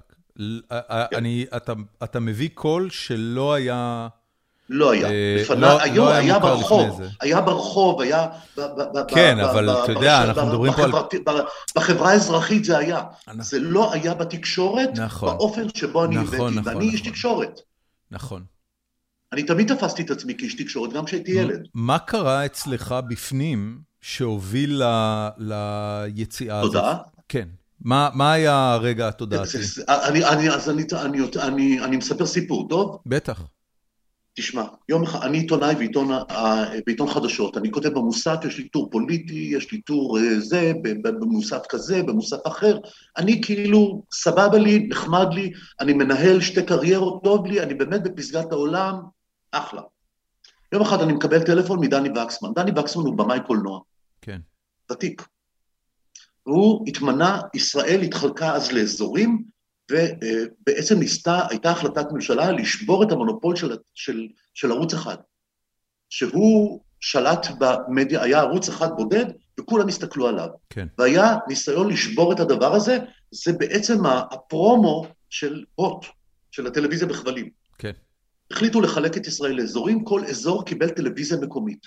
היה שנות ה-80, אמצע שנות ה-80 עד סוף שנות ה-80, היה בישראל טלוויזיה מקומית. ישראל התחלקה לחלקים. היה תבל, והיה כזה, והיה ערוצי זהב, היו כל מיני חברות, חמש או שש חברות, אחת מהן הייתה מט"ב. נשלטה על ידי נמרודי. נכון. יעקב נמרודי ובנו עופר נמרודי, שהם היו בהעריב. הכל תמיד היה הון שלטון, כסף, תמיד זה היה מעורבב, אוקיי? דני וקסמן מקבל, נהיה מנהל התוכניות של, אה, אה, של מט"ב. מט"ב משדרת בבת ים, חולון, ראשון לציון, אשדוד, אשקלון. קריית שמונה, אני זוכר פתאום. אני גדלתי שאם- בחיפה, לנו היה מטב. איפה אתה היית? בחיפה. וואלה, היה מט"ב, נכון, כן, היה חיפה כן, כן. במט"ב, נכון, היה סניף אפילו. בקיצור, הוא מצלצל עליי, והוא אומר לי, תשמע, אם אתה תביים כמו שאתה כותב, אתה יכול להיות אחלה במאי. אמרתי לו, אני לא יודע מה זה, אני לא למדתי כלום, אני בור ועם הארץ, אני באתי מהשכונה, אני בבת ים, אני כלום, אני מעמיד פנים, אני אפס, כזה. בוא, בוא תספר את הסיפור שלך, אתה יודע לספר סיפורים. אמרתי לו, אתה יודע מה? סבבה, אני בא. אני מגיע, אזור התעשייה בבת ים, אני עוד לא מבין שזה נמצא 200 מטר בקו אווירי מהבית של הוריי, מהבית של אבי, הוריי התגרשו. הבית של אבי. 200 מטר. אני גדלתי שם איזה שנתיים, שלוש, לפני שהלכתי להדסים. ואני מגיע לאזור התעשייה של בת ים, ואני נכנס פנימה ואומר לי, תשמע, יש לי אולפן נורא קטן בגודל של חדר ארבע על ארבע כזה, כולו צבוע בשחור, יש בו שני כיסאות, שתי כיסאות, ויש בו שתי מצלמות ענקיות, אתה יודע, המגושמות האלה של פעם. בוא נעשה תוכנית אחד על אחד, אנחנו מתחילים לעשות אודישנים. רוני דניאל, כל האלה של פעם מגיעים לאודישנים האלה, ואני אומר, אני רוצה משהו חדש שהוא לא דומה לערוץ הראשון. אנחנו מגיעים, עושים אודישנים, בסופו של דבר נופלים על בחורה שקוראים לה מיקי חיימוביץ'. היא אה, דיילת קרקע בארקיע, עובדת ברמת אביב, והיא קצת הייתה תחקירנית, והיא קצת הייתה ככה, והיא הייתה ככה, והיא עושה את צעדיה הראשונים, והיא נראית לי הכי סבבה. והיא מטולטלת כזאת שחרחורת, מהממת. אוקיי, עכשיו אני אומר, אוקיי, יש לנו מנחה, מה אנחנו עושים איתה עכשיו? מה, את מי מראיינים? מה, עוד פעם, את אותם רגע, רגע, אנשים? רגע, רגע. מ- מיקי חיימוביץ' מטולטלת? חיימוביץ'. כן, אוקיי. כן, שיער חום כזה. שיער חום כזה, היא, היא, היא, כשהיא מגיעה לטלוויזיה, היא עושה את ה makeover שתמיד עושות מגישות טלוויזיה, בוודאי בשנות ה-80, 90 ו-2000. הן פשוט מחליקות את השיער, הופכות לבלונדיניות, וכולן נראות כמו דופליקציות מ-CNN של שנות ה-90. אוקיי. הילרי קלינטון כמודל. השיער הזה, התספורת הזאת, הז'קט הזה, דודה. כזה מין, הכי דודה. אוקיי. סבבה? כן. זה, זה היה, זאת הייתה האופנה. כולם עשו את הדבר הזה. עכשיו אני אומר לדני בקסמן, אוקיי, למי אנחנו משדרים? בואו נראה מה הקהל, אם אנחנו אלטרנטיבה לערוץ האחד המונופוליסט, בואו נראה למי אנחנו משדרים. בואו נוציא סקר בקרב הערים שבהם אנחנו אמורים לשדר. את מי הם רוצים לראות? עשינו רובריקות. זמר, זמרת, להקה, דוגמנים, זה פוליטיקאי, ספרות, שירה, אתה יודע, קטגוריות. יפ. אחרי שבועיים מגיעות התוצאות. אני מסתכל על הזמר, השנה היא שנת 89, אוקיי? אני מסתכל על הזמר, אני רואה, מקום ראשון, הם רוצים לראות את עופר לוי. עכשיו, אני הכי משתכנז גלי צה"ל, לא יודע מי, who the fuck is עופר לוי. מי לוי זה? היה גדול. מי זה הדבר הזה? שנת 89, באמת הוא לא היה מוכר. אני מביא, מביא לי קלטת. אני אומר, מבקש מהתחקירנית להביא לי קלטת, היא נוסעת לתחנה המרכזית הישנה בתל אביב, ומביאה קלטת שעליה כתוב הקיסר של המוזיקה המזרחית, כי המלך הרי תפוס, כן. אז הוא הקיסר. כן, הוא כן. יושב שם עם גלימה אדומה מכתיפה, עם כתר על הראש, והוא שר שם את כל השירים שלימים הפכו לעיתים ענקיים שלו, יום הרווקים וכל מיני כאלה. אנחנו מביאים אותו. אני רוצה לפגוש אותו, אני, אני רוצה להבין מי זה הדבר הזה. מגיע, אני מזמין אותו לאולפן, הוא מגיע כמו בסרט של קוסטריצה. הוא מגיע עם בריון, כזה, אתה יודע, בודי בילדר כזה, וגמד. נמוך קומה, אומרים. אוקיי? עם שניים, אם הוא נכנס. עכשיו, הוא מדבר איתי כל החצי שעה הראשונה, הוא מדבר איתי בגוף שלישי. עופר לוי אמר, אני שואל אותו, מה אתה, מה אתה מרגיש? עופר לוי מרגיש לא רע. אה, איך אתה, זה, זה, עופר לוי חושב שזה טוב או רע, כאלה. באיזשהו שלב אני אומר לו, תגיד לי, אני יכול, אה, אתה יכול לדבר איתי כאילו רגיל בלי לדבר איתי בגוף שלישי? כמובן שהוא לא הבין מה זה גוף שלישי, אבל נעזוב את זה. ואז אמרתי לו, בוא נדבר רגיל. הוא אומר לי, אז תשאל אותי שאלות רגילות. אני אומר לו, מה זה שאלות רגילות? הוא אומר, אל תשאל אותי אם אני זמר מזרחי, ואם אני מרגיש קיפוח או לא מרגיש קיפוח. שאל אותי שאלות שהיית שואל את קורין אלעל, את יהודית רביץ ואת אריק איינשטיין. אותן שאלות. שמע, כשהוא אמר לי את המשפט הזה, אסימוני החיים נפלו לי במוח. כף על אני הפנים. פתאום הבנתי הכל. הכל. אני הבנתי את כל השיט, איך שהוא אמר לי את המשפט הזה. הרעיון הוקלט. הרעיון, לתוכנית קראו שישי אישי, זו תוכנית מספר אחת של שלושה אנשים בישראל. עופר לוי פעם ראשונה בטלוויזיה, אני פעם ראשונה בטלוויזיה, ומיקי חיימוביץ' פעם ראשונה בטלוויזיה, אוקיי? אנחנו, לתוכנית קוראים שישי אישי. היא משודרת ביום שישי בשעה שש או שבע, יענו פריים טיים של טלוויזיה חדשה. אופירה וברקו, זה השעה של אופירה וברקו כן, היום. בדיוק, בדיוק, בדיוק. יום ראשון אנחנו מגיעים לאזור התעשייה של, של בת ים, לפני אזור התעשייה, שם יושבת התחנה, לפני התחנה מאות אנשים עומדים בתור. אנחנו היינו עם פולקסווגן קטנה חיפושית, מיקי, של מיקי. מיקי פותחת את החלון, היא אומרת, תגידו, מה, מה, מה, אנחנו לא יכולים להיכנס, כאילו, הם, הם חוסמים את השער. אז הם אומרים, הם באו לקנות את הקלטת של עופר לוי. הם עומדים בתור, הם ראו את התוכנית של עופר לוי, והם רוצים עכשיו קלטת VHS שהייתה פעם, הם רוצים שיהיה להם בבית, בערימות של הוידאוים שלהם, שיהיה להם גם את הקלטת הזאת. הם באו במיוחד וקנו את זה בכסף. אתה קולט מה אני אומר? מדהים. האנשים האלה, אני יוצא אליהם, אני כמעט בוכה. אבא שלי 200 מטר כאמור, זה אבא שלי, זה לא הם, זה לא זר, זה פתאום אני מבין שזה אני. ואני אומר, האנשים האלה אף פעם, אף אחד לא שידר להם את הדברים שהם אוהבים. ואם שידרו להם את הדברים שאוהבים, תמיד תפחו את זה עם כל מיני שאלות מוכנות מראש. האם אתה זמר מזרחי? למה אתה אומר שאתה מדוכא? כאילו מין איזה מין משחק מגעיל, שבסופו תמיד אתה נופל. ופתאום אתה אומר, אוקיי, למה הם כל כך אהבו את התוכנית? לא רק בגלל שהם רואים לראשונה את גיבור חייהם על מסך הטלוויזיה יחד עם ראש הממשלה ונשיא המדינה, כלומר מישהו מעניק לו את הכבוד הראוי כמו שהם חושבים עליו, אלא בגלל שנשאלו שם שאלות שלא השפילו אותם כנציג שלהם, שהוא, שהוא הנציג שלהם. אני, כשאני שואל את עופר לוי שאלות, אני לא שואל את עופר לוי, את זה אני הבנתי רק אז.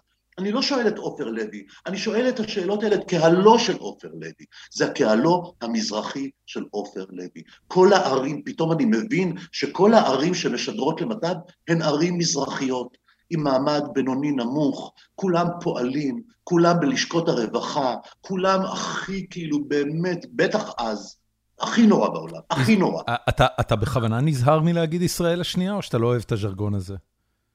אני חושב שזה ז'רגון של, של שנות ה-60, אני חושב שהתקדמנו מאז. זה שאבישי בן חיים עושה לזה איזה קאמבק, זה לא אומר ש...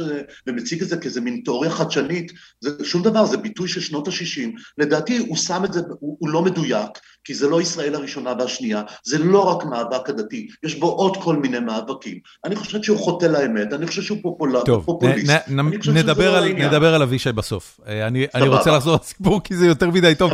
מה עשיתם עם כל האנשים? נתת להם קלטת? מכרתם להם קלטות? הם מכרו קלטות בזה, מכרו קלטות של התוכנית הזאת. מטורף. ושל תוכניות נוספות, כי אני, באותו רגע שאני פגשתי את האנשים האלה, האומללים, הפועלים המסכנים האלה, שבטח עבדו באזור התעשייה שמסביב שם, ממש פועלים קשי יום. אני הבנתי שאני הולך לתת להם את הטלוויזיה הכי טובה בעולם שאני יכול, שכל הכישרון שלי, שכל מה שהשגתי עד עכשיו, אני הולך לתת לאנשים האלה. יש, צריך להיות גם צדק תקשורתי, צריך להיות צדק חלוקתי גם בתקשורת. לא ייתכן שידברו לאנשים האלה מעל הראש, וינתחו אותם, ויקראו להם בשמות, ויקטלגו אותם ויתייגו אותם.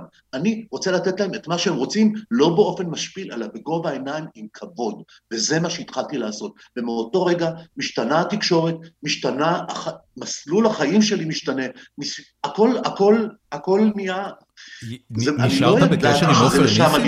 הוא יודע שזאת הייתה... מה שאני מנסה להגיד, לא, מה שאני מנסה להגיד זה לא שבאתי כאיזה מזרחי, פוליטי, מיליטנטי, לתוך התקשורת, מתוך מטרה לשנות אותה ולעשות שוויון בתוך התקשורת. לא, אני התחלתי כעיתונאי גנרי, התודעה המזרחית הגיעה אליי תוך כדי עבודה עיתונאית, כי רציתי להיות עיתונאי יותר מיוחד ויותר טוב, עם טביעת אצבע, עם קול, עם קול ייחודי, עם איזה סוג של משהו שאני יכול לזהות אותו. אתה יודע, אנחנו נמצאים בעידן הפוסט-מודרניסטי, השם של הכתב הוא לא פחות חשוב מהשם של המרואיין. נכון. אני רוצה להיות איזה somebody, ואז אתה... זאת אומרת, התשוקה לדבר הזה קורית לי תוך כדי הליכה והיא לא קורית לי מראש, אני לא מגיע עם איזו תוכנית אסטרטגית לשנות את התקשורת. ההחלטה האסטרטגית לשנות את התקשורת מגיעה רק בדיעבד, ומגיעה הרבה הרבה אחרי שהתחלתי. אני, אני שנייה רגע רוצה, קודם כל, שאלה קטנה, האם, האם אה, עופר לוי יודע שזה מה שעשית לו? שזה מה שהוא עשה לך, סליחה? ברור. כן, אתם בקשר? 아, אתם בקשר? עם מה שהוא עשה, תראה, אני, אני, אני צילמתי אותו בעוד הרבה הזדמנויות. אה, אני לא יודע, האמת היא, אני לא יודע, הוא בן אדם כל כך משונה, אה, הוא כזה לא יציב כזה, אז אני לא, לא, לא, לא, לא יודע, לא יודע. אוקיי. שווה לספר לו, אני לא יודע כאילו כמה אתם בקשר, אבל זה... לא, לא, לא. לו אני הייתי עופר לוי, הייתי מאוד נהנה לשמוע את הסיפור הזה ועל איך שיניתי לך את החיים. אמ, אני, אני... או איך שינית לי את החיים. גם, כן.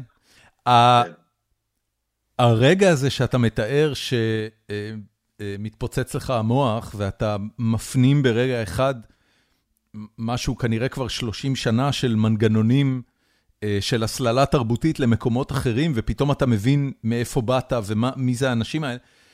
אתה יודע, הרבה יזמים מתארים את זה בתור רגע שבו הם הבינו הזדמנות עסקית. אתה מתאר. אותו בתור רגע של התפכחות פוליטית. כמה זמן אני, לקח... אני לא יכול, תראה, כן. זה גם... Uh, כל, ה, כל הדבר הזה, אני, אני, אני לוקח את המשפט שלך, ואני אומר שכל ההסתכלות, נכון, ההתפכחות שלי היא התפכחות פוליטית, אני פתאום מבין את המנגנון. אני פתאום מבין שמישהו רוצה שהאנשים האלה יישארו קטנים ונמוכים ועניים ומוחלשים. אני מבין את זה. אני מבין שיש שרשרת מזון ושהתקשורת איכשהו קשורה לתוך הדבר הזה. כלומר, בהסללה שלהם למקום נמוך, אתה גם משתמש בתקשורת כאביזר או כמנגנון ממשלתי. התקשורת, אל תשכח שהתקשורת, עד היום, לא, לא, בטח, בטח אז, עד היום היא תחת רגולציה מאוד כבדה. יש צנזורה, יש רגולציה, יש ועדות, יש קנסות.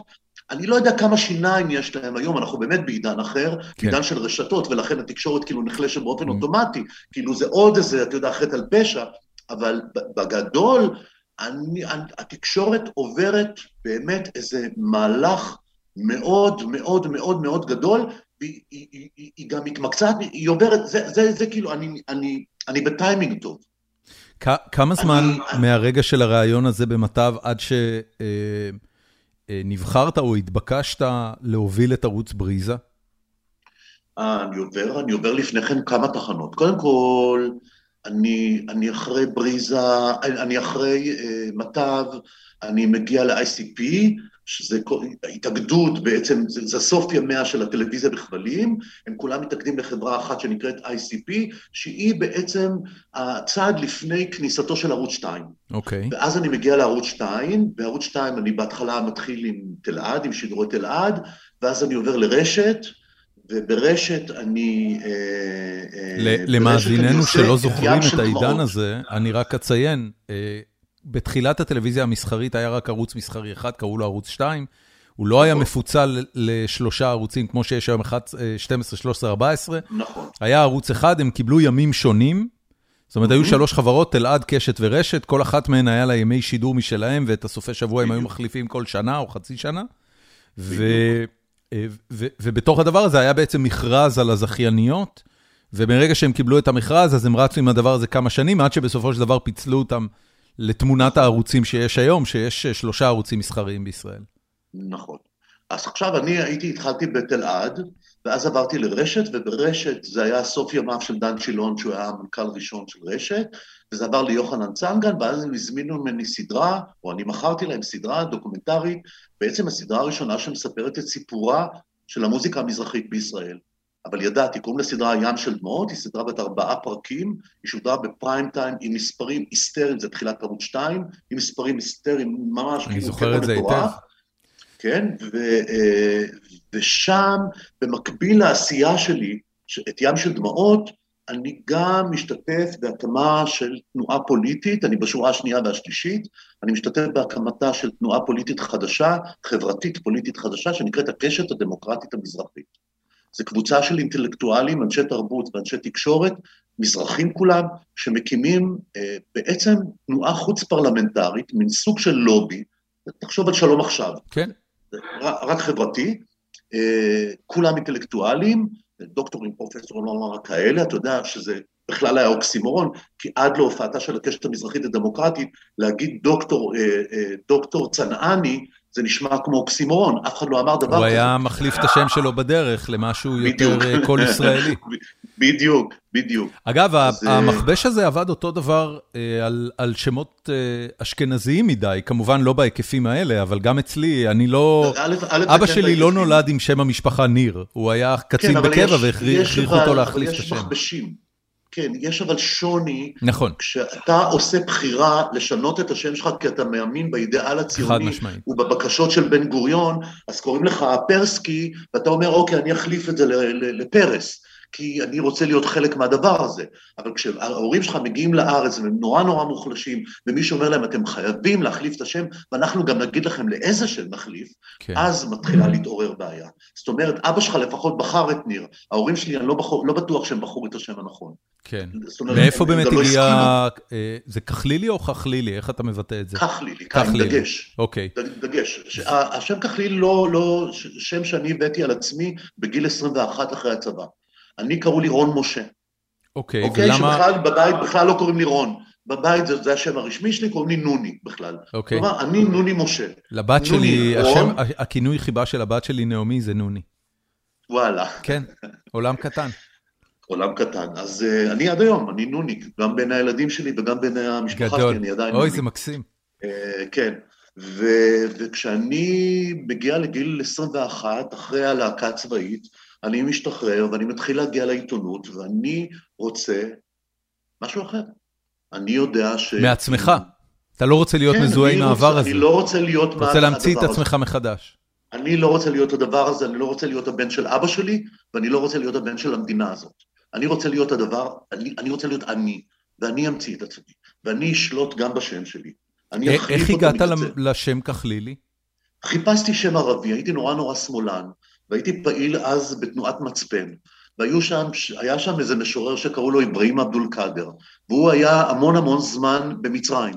והמצרים היא ארץ המוצא של הוריי, שניהם הגיעו לפה, נולדו והגיעו לפה ממצרים. ואני נורא מחובר לתרבות המצרית, אני גם דובר את השפה המצרית ונורא אוהב אותה. ובאיזשהו שלב אה, שאלתי אותו, תגיד, מה השם הכי נפוץ במצרים? הוא אמר לי, כחלילי, כי כולם היו סוחרי עם הודו. כחל זה איפור כחול לעיניים שהיה נורא פופולרי בשנות ה-60 בירושלים המזרחית, בעיר okay. אוקיי. העתיקה. קראו לזה כחל. וכל סוחרי הכחל של, של מצרים, המוסלמים, נקראים כחל. יש לי שלושה חברים בפייסבוק שקוראים להם כחלילי. גדול. והם בכלל מוסלמים ממצרים. גדול, אוי, נהדר. וזה נראה לי, נראה לי נורא נורא רדיקלי, לקרוא לעצמי כחלילי, שם ערבי. זה, רק לא הבנתי, זה נשמע שם צע... תנכי מאוד. זה נשמע לגמרי, לגמרי. זאת אומרת, זה... אבל לא התכוונתי. גדול. לא התכוונתי, אני כן. התכוונתי להיות רדיקלי שמאלני ונהייתי פתאום הכי גל"צ. כן. אתה מבין, אני זוכר שהגעתי פעם ראשונה עם השם, כבר במילואים, לגלי צה"ל, ואורלי יניב, הקרנית אורלי יניב ישבה לידי, והיא אמרה, פעם ראשונה שמעתי את השם שלי כמו שהיא חושבת שהוא צריך להיות. כחלילי. ונעבור ללא רוצים לישון בהגשתו של רון, כח... רון כחלילי. ואני אמרתי, who the fuck is רון כחלילי? אני לא רון כחלילי, אני רון כחלילי, אני ערבי, אני לא קיבוצניק. זאת אומרת, היה לי חשוב המלעיל מול המלרע, כן. כלומר, הרגשתי שהשתבש משהו, ושאני, בעצם, שארית חיי אני מבלה בלתקן שזה לא כחלילי וכן כחלילי ולא, וכאלה. אה, אז עשית את ים של דמעות. עשיתי את ים של דמעות, במקביל לים של דמעות אני מקים, אני נמצא לפחות בהקמה של הקשת המזרחית הדמוקרטי, שנותנת לי את אחד הפליקים האינטלקטואליים הכי גדולים שאני חווה בחיי, בטח עד אז. אני רוצה רגע לשאול אותך משהו על ה... אני פוגש אנשים כמוני. רון, אני פוגש אנשים כמוני. אני רגע רוצה לשאול אותך משהו על הקשת המזרחית. אתה יודע, הבאת דוגמה אה, לתנועה פוליטית אה, לא מפלגתית אחרת, שהיא שלום עכשיו, אה, שיש לה אג'נדה מאוד ברורה. אה, סיום הכיבוש ושתי מדינות, ישראלית ופלסטינאית זו לצד זו, הם התחילו עם זה הרבה לפני שזה היה פופולרי. אה, מה רוצה הקשת המזרחית הדמוקרטית? מה, זאת אומרת, מה האנד גיים? אני, אני, אלך, אני אלך ממש אקוויבלנטי לשתי המטרות שהצבת לשלום עכשיו. כן. אני אגיד לך ככה, הפסקת הדיכוי. מה זה אומר? שוויון. הפסקת הדיכוי כן. המזרחי. מה, מה זה מה אומר? זה אומר? איך, תראה, איך עושים לא את זה? לא לחינם, לא סתם מדינת ישראל מחולקת לישראל הראשונה, השנייה, כמו שאתה הצגת את זה, כמו שאבישי מציג את זה. כן. אוקיי? יש, זה, זה מחוזות המסלולים הנפרדים. יש פה הסללה אמיתית, אמיתית, עמוקה, מנגנונית עמוקה, שקשה מאוד להסיר אותה, שקשה מאוד להיפטר ממנה, שממש מסלילה אותך. מרגע שהמערכת מזהה שאתה מגיע ממקום מסוים, היא קושרת אותך לערימה של סטריאוטיפים, בורות ופרימיטיביות ודתיות שמרנית ופטריארכליות, היא מזהה אותך עם המון המון דברים שליליים, והיא מראש אומרת, אוקיי, אני לא אעשה לך את החיים קלים, אני אסליל אותך לאן שנוח לך. אני אסליל אותך לבתי ספר נחותים. אני אסליל אותך, כשתגיע לתיכון, אני אסליל אותך לבית ספר מקצועי. אתה יודע שיש בישראל 21 עיירות פיתוח. באף אחת מעיירות הפיתוח אין בית ספר עיוני. ישראל 2023, יש, מאז שנות ה-90, יש בית ספר מקיף עם מגמה עיונית בתוכו. אין בעיירת הפיתוח בית ספר עיוני אחד, כי ממשלת ישראל ומשרד החינוך הישראלי לא מאמינים ביכולתם של התלמידים בעיירות הפיתוח כמזרחים. הם נולדו למשפחות פרימיטיביות ומפגרות, מה עכשיו הם ילמדו? אטום? חלל? מה הם ילמדו? הייטק? שילמדו להיות מסגרים, וילמדו להיות אה, אה, עובדים במלון, חדרנים, ויעבדו להיות אה, אה, מסגרים, והכל סבבה. זה מה שצריך. המדינה צריכה, המדינה החדשה, צריכה גם צווארון כחול. לא כולם יכולים להיות מנהלים. עכשיו, מאחר והאשכנזים מגיעים מאיזה מסורת, ככה הם חשבו, מגיעים מאיזה מסורת אה, השכלתית מאוד ברורה ומובהקת, אז, אז ברור שהם יהיו המנהלים. אבל לא, עם הזמן אתה מגלה שאותם אנשים שהגיעו לפה, האשכנזים שמגיעים לפה, מעטים הגרמנים המשכילים שהגיעו לפה. הכל היו, הרוב היה אוסט-יודנים, ממזרח אירופה. שגדלו בשטייטלים, כן. וההשכלה שלהם היא ישיבה תיכונית, זה הגג שהם הגיעו לשם. ואז אתה מבין שהם הדבר הזה, הם קובעים עכשיו מי המנהל ומי הולך לבית ספר מקצועי, מי ינהל את המפעל ויקבל את הכסף, את היוקרה ואת פרס ישראל ואת כל הדבר הזה ותרומתו לתקומת הציונות ותקומת העם וכולי וכולי, ומי ידרס מתחת לגלגלי ההיסטוריה. אבק אדם. אני, אני... אתה מבין את זה נורא נורא נורא מהר. והפסקת הדיכוי והקשת המזרחית הציבה את זה הפעם בניגוד לכל התנועות המזרחיות שפעלו לפניה והיו עשרות, מהפנתרים השחורים בוואדי סאליב, היו עשרות של תנועות מזרחיות. הקשת המזרחית שמה את זה הפעם בצורה אקדמית. כלומר, עם מספרים אמפיריים. אתה יכול לראות מה קורה למזרחים בצבא, אתה יכול לראות מה קורה במערכת החינוך, אתה יכול לראות מה קורה במקומות עבודה, האם מקבלים אותך כשקוראים לך בוזגלו או שקוראים לך ויינשטיין, האם מקבלים אותך לאקדמיה כן או לא, פתאום המספרים הגיעו, באקדמיה 91 מהסטודנטים הם אשכנזים. עכשיו, האם לאשכנזים יש איזה גן גאונות שמסליל אותם מראש לתוך האקדמיה? לא. למה אני, הם ככה? אני... למה אין פרופסורים מזרחים באותן שנים? אני למה? ש... אני שנייה אעצור אותך, אה, ואני אני, אני פשוט אשאל את השאלה הבאה. אה, הפסקת הדיכוי זה צמד מילים שמאוד אה, קל להגיד אותו כשהוא יוצא מהפה. אבל בניגוד ל... אתה יודע, אם אני, אם אני אקח למשל את תנועת ארבע אמהות, הם רצו שצה"ל יצא מלבנון. כן. ביום שברק הוציא את צה"ל מלבנון, ואחרי אחרון חיילי צה"ל סגר את השער על הגבול עם לבנון, כשהוא בצד השני, לתנועה אין יותר מה לעשות. Thank you, we're done here, נלך לעשות משהו אחר עם החיים שלנו. אוקיי. מה שאתה מתאר הוא מאוד מאוד סבוך ורב שכבתי, ואין עליו מתג, אין עליו שער. איך, איך אה, חברה ישראלית, נניח שהיה בא ראש ממשלה, יאיר לפיד, או כל אחד ממי שרץ לראשות הממשלה, נתניהו אפילו, הוא היה אומר, חבר'ה, אני מאמץ את האג'נדה של הקשת הדמוקרטית המזרחית, להפסיק את הדיכוי של יוצאי צפון אפריקה ועדות המזרח, אני לא יודע, אה, גם ההגדרה כן. של צפון אפריקה ועדות המזרח זה... כן. כי, כן, כן, כי כן. מרוקו היא לא כן. מזרחית ל, נכון, לישראל, נכון, זאת אומרת, גם שם יש נכון, איזה עניין נכון, של, נכון. של מלל. אה, איך עושים בכלל את הדבר הזה? אתה יודע, אתה הרי לא יכול אה, לשכנע את העורך דין הפרטי בתל אביב, ששם משפחתו פרידמן, אה, ש, שיתחיל באופן מודע ומתכוון לשכור אנשים ששם משפחתם הוא לא פרידמן, אם הוא, אם הוא לא רוצה. רוצה להגיד לך ש... אני רוצה להגיד לך, דורון, שהבעיה הרבה יותר סבוכה. אוקיי. קודם כל, מי הם המזרחים? מי מגדיר את עצמו כמזרחים? האם יש שבט כזה בכלל? אתה יודע שרוב המזרחים, כשאתה אומר להם, אתה מזרחי, מתנערים ממך וחושבים שאתה מקלל אותם. כי זה, כי זה תיוג כי זה אה, שלילי. שלילי. כי תיוג שלילי, הם לא מזרחים, הם ישראלים. תשאל 90 אחוז מהמזרחים בישראל הם לא מזרחים, הם מתנגדים לקשת המזרחית הדמוקרטית. הקשת המזרחית הדמוקרטית שמאלנית מדי בשבילם, חילונית מדי בשבילם, תל אביבית מדי בשבילם, משכילה מדי בשבילם, ולכן גם מתנשאת. אז איך עושים את זה? Okay? אוקיי? איך בכלל ניגשים ל... המלחמה, כן? המלחמה של אנשים כמוני, אנחנו מיעוט מבוטל. אם אני אומר אחריי, באים שניים. אני כלום ואני שום דבר ואני אבק, אבל אני חייב לעשות את הדבר הזה כי אני ראיתי את זה, אני מרגיש את זה, אני יודע את זה, אני חוקר את זה באמת 30-40 שנה. זה הסיפור. את זה אני צריך להעביר, את הלפיד הזה אני צריך להעביר הלאה. העובדה שאנשים מתכחשים לזה לא אומרת שהוא לא קיים. כל נתון, בכל פרמטר שאתה מניח עליו את היד, אתה מוצא פערים שהולכים וגדלים. עכשיו, כמובן... שהולכים וגדלים?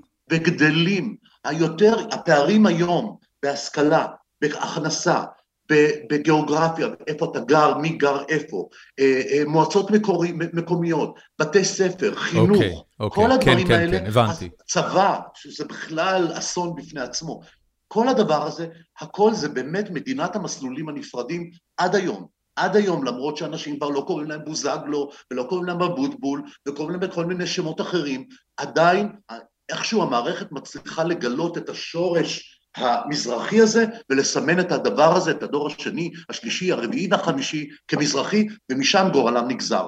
זה מה יש.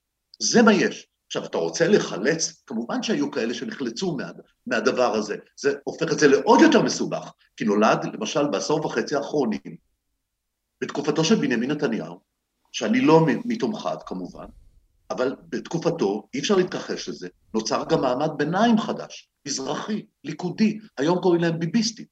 הם מעמד ביניים חדש, יותר כסף, יותר מעמד. הם אמנם לא ה-old money, הם עדיין נובורישים, אבל, אבל יש להם כבר מעמד, יש להם שכונות כבר יותר טובות, הם גרים במקומות יותר טובים, הם עובדים בעבודות, יש מכללות, המכללות נפתחו בשנות ה-90, עקפו את האוניברסיטאות, אני יכול לרכוש מקצוע, אני יכול להיות עורך דין, אני יכול להיות עורך דין בינוני, אני יכול להיות רואה חשבון קטן, אני יכול להיות כל מיני עסקים קטנים שהם לא צווארון כחול. כלומר, יש פה מעמד ביניים. עכשיו אתה שואל את עצמך, כמה מתוך 100 אחוז, יש בערך, אנחנו עשרה מיליון אנשים, בערך שמונה מיליון יהודים, שמונה, תשעה מיליון יהודים, 52 אחוזים מהם הם מזרחים. מה, אוקיי? מה זה מזרחי בהגדרה הזאת שאתה אומר? יוצאי ארצות צפון אפריקה ו... מזרחי זה מי שהוריו, סביו וסבותיו נולדו בארצות, באחת מארצות האסלאם. אוקיי? אוקיי? זה מזרחי. כמה, כמה מה... אני, אני באמת לא יודע את המספרים. כמה אז... מהישראלים? כן, כמה מהישראלים... הם מזרחים? לא. 52 כמה, כמה מהישראלים הם אה, בנים למשפחה מעורבת? תראה, כל, ה, כל הפיקציה הזאת של משפחות מעורבות הם מספרים נורא נורא נמוכים, צריך להיכנס לזה. מדברים 11 אחוז, יש כאלה שאומרים 23 okay, אוקיי, אחוזים, okay. אוקיי. בכל מקרה זה לא מגיע לרבע. אוקיי. כלומר, אנחנו מדברים על זה. עכשיו, רוב הנישואים המעורבים קורים במקומות, בערים גדולות. כן. ערים מעורבות. בדימונה אין אשכנזים להתערבב איתם, בקריית גת אין אשכנזים להתערבב איתם, בחצור הגלילית אין מזרחים להתערבב איתם, לכן שם אין נישואים מעורבים, אולי הם רוסים, אולי הם אתיופים, אולי הם זה, אולי הם ערבים, אתה יודע, כל מיני כאלה, אבל לא עם אשכנזים, אין אשכנזים במקומות האלה. הם גרים בקיבוצים, הם גרים בצפון ובדרום, אבל הם גרים בקיבוצים סגורים מאחורי שערים צהובים, עם גדרות תיל ושומרים ויוריות. אוקיי. אוקיי? זה, זה כאילו הסיפור. וה-52 אחוז האלה... מתוך ה-52 אחוז, אוקיי? 30 אחוז 30 אחוז הם מעמד הביניים, על פי הערכות אקדמיות של בר אילן ושל אוניברסיטת תל אביב. אנחנו מדברים על כשליש בעצם מתוך 52 אחוזים המזרחים, שהם המאה אחוז המזרחים פה, אנחנו מדברים על כשליש. כלומר, 70 אחוז עדיין נמצאים בלשכות העבודה, במכוני גמילה מסמים, מתגוללים ברחובות, חסרי השכלה, בורים ועמי ארצות, ואנחנו יודעים מה קורה לבורים ועמי ארצות, נכון, דורון? כן. אנחנו יודעים שיש קורלציה והתאמה בין מידת ההשכלה שלך לבין העמדות הפוליטיות שלך. אנחנו יודעים שככל שאתה פחות משכיל אתה יותר ימני, ככל שאתה פחות משכיל אתה יותר דתי, אנחנו יודעים את הדבר הזה, זה לא קורה רק בישראל, זה בכל העולם. נכון. כל תלמיד בסוציולוגיה שנה א' יגיד לך את הדבר הזה, זה בכל העולם הקורלציה הזאת נמצאת. כלומר, יש פה הסללה ברורה לתוך הימין, לתוך השמרנות, לתוך המסורת. הגיע לפה ציבור של מיליון ומשהו איש, באים לפה מארצות מודרניות, קוסמופוליטיות, שיודעות לחיות עם ערבים כמו שצריך, יש להם את הגן הזה, אנחנו יודעים לדבר עם ערבים, אנחנו חיינו עם ערבים מאות בשנים, לא היו שואות ולא היו פוגרומים, היו בקטנות פה ושם, אני לא רוצה לעשות אידאליזציה של דברים. כן, הגיע כן, לפה כן. ציבור משכיל, מעמד בינוני חזק, מאוד מקושר, המשפחה שלי, המשפחה של אימא שלי, המשפחה של אבא שלי, כל המשפחות שאני מכיר מסביבי הם כאלה. והם פתאום הוסללו, ירדו מנכסיהם האינטלקטואליים, התרוקנו מכל הערכים שלהם והפכו משמאלנים אוהבי ערבים או יודעים לחיות עם ערבים, הם הפכו לימנים, מחילונים גמורים, הם הפכו לדתיים, שמרנים, מדירי נשים, בעד הפרדה מגדרית, עם כל מיני רבנים חשוכים. זה בדיוק התהליך שקרה להם. אני... הגיע אני... לפה ציבור מהמם, שיכול היה להיות קרש בקפיצה לשלום, ונהיה פה בלאגן וכאוס וגוגו מגוג. אני, אני אחזור למה שבעצם הייתה השאלה שלי, אה, כי נתתי את האנלוגיה של שתי מדינות לשתי עמים, ונתתי את האנלוגיה של היציאה מלבנון. מהו ה... אה, מהי הפעולה שמדינת ישראל צריכה לעשות כדי להתחיל אה, לתקן את התהליך הזה? אתה, אתה אומר, יש כאן מערכות... אהוד ברק, כן. אהוד ברק אתה זוכר, נכון? בטח, בטח, בטח, ההתנצלות שלו. בקמפיין הבחירות שלו, קמפיין הבחירות שלו ב-1999, במסגרתו הוא ביקש סליחה מעדות המזרח בשם מפלגת העבודה לדורותיה. אתה זוכר את הסיפור הזה? בטח. אני חושב שזה התחלה. Okay. אני אוקיי. חושב שצריך לחזור לשם. תראה, יש את האגודה שנקראת עמרם למען ילדי תימן החטופים. נכון, תום מהגר שעשיתי איתו פרק לפני כמה חודשים. מה הסלוגן שלהם? הכרה, צדק, ריפוי. זה בדיוק מה שאני רוצה לגבי המזרחים. קודם כל תכירו בעובדה שדיכאתם אותם כמו שדיכאתם את הפלסטינים, כמו שדיכאתם את החרדים, כמו שדיכאתם קבוצות אוכלוסייה שלא באו לכם טוב בעין, שיכלו לגנוב לכם את תוצרי המדינה שאתם הרגשתם שאתם בעלי הבית שלה. אוקיי? זה דבר ראשון. תכירו בעובדה הזאת, קודם כל, הכרה. עכשיו צדק, להיכנס מנגנון מנגנון, ממש מנגנון, משרד משרד. אנחנו הולכים למשרד הבריאות. אוקיי? נתחיל במשרד הבריאות. ברור לחלוטין שיש תוחלת החיים בפריפריה המזרחית קטנה משמעותית מתוחלת החיים בתוך הערים המרכזיות. אוקיי? הנה, אני רוצה בתי חולים משוכללים עם מיטב הרופאים בפריפריה המזרחית. אלה מדימונה וקריית שמונה לא צריכים להגיע לחיפה ולתל אביב לאיכילוב. הם יכולים לשבת בעיר שלהם, הם ראויים לבית חולים שיציל את חייהם ויאריך את חייהם וייתן איכות חיים לחיים שלהם. הם ראויים, הם החלוצים האמיתיים של מדינה הזו. זה אחד. עכשיו תעבור למשרד החינוך. קודם כל, אני מבטל מיד, אפריורית, מבטל את כל החינוך המקצועי. ילד, המדינה אין לה זכות מוסרית להחליט לילד או ילדה בת 13 או 14 אם היא תהיה ראש הממשלה או, זג... או, או, או מסגר. היא תגיע לגיל 18, אחרי שהיא תעשה תעודת בגרות ותיכנס למשפחת העמים, היא תחליט אם היא רוצה להיות ספרית או ראש ממשלה. זאת אומרת, אני כמדינה לא יכול החינוך, להחליט את זה עבורה. לבטל אה? את החינוך המקצועי בשנות החטיבת ביניים ותיכון? לבטל את חינוך שווה, חינוך, חינוך עיוני שווה עם מה שחשוב, עם לימודי ליבה, עם מה שחשוב לעולם המודרני. אנגלית, מתמטיקה, פיזיקה, אין, זה שטויות, זה סתם גלוריפיקציה של מקצועות משעממים. מה למדנו בתיכון? בחייאת דורון. מה למדנו? כלום. שטויות. כן. אנחנו רואים את זה רק כשאנחנו מגיעים לאוניברסיטה, אנחנו מבינים כמה בזבזנו 12 שנות חיים על קשקוש דמגוגי, שקרני ולא עובדתי בשום אני, צורה. אני חושב אופן. שהיום זה אפילו עוד יותר גרוע, אה, משתי סיבות. אני גם מסכים איתך. עם הילדים שלי. הסיבה הראשונה זה שמדינת ישראל ומערכת החינוך הממלכתית שלה, היא היום שדה הקרב שבו המפלגות הפוליטיות אה, עושות אינדוקטרינציה לאג'נדה שלהם, אז אתה רואה יותר חינוך יהודי, יותר חינוך דתי. והסיבה נכון. השנייה, שהיא אגב סיבה מבורכת בעיניי, זה שהידע כבר לא נמצא בבתי הספר. הילדים אה, מקבלים הרבה יותר ידע במדיה דיגיטלית. אתה יודע, הילדים שלי לומדים כנראה מיוטיוב יותר ממה שהם אי פעם לימדו בבית ספר. הילדה שלי, בת העשר, הילדה הקטנה שלי, היא חניכת אה, טיק טוק. כן, כן, כן. זה העולם שלה. כן. היא לומדת... שם היא מתחנכת. היא לא זוכרת את השם של המחנכת שלה, לדעתי. אוי ואבוי. נו, איך קוראים לה? איך קוראים לה, היא אומרת לי. אוי ואבוי, כן. אה, וזה לא, לא דבר רע, אגב. אה, גם לזה צריך להיות... אני מסכים. כן. מסכים איתך. עכשיו, אני חוזר כאילו לאיזה פעולה צריך לעשות כדי... אמרנו, קודם כל הכרה, עכשיו צדק, אתה נכנס למנגנון, מנגנון ומיישר, תחשוב שאתה נכנס לצה"ל, למשרד הביטחון, המשרד עם התקציב הכי גדול בעולם, כן. בסדר? ביחס, בטח ביחס למספר האנשים או, או, או לתקציב. מלא כסף, הכל טוב.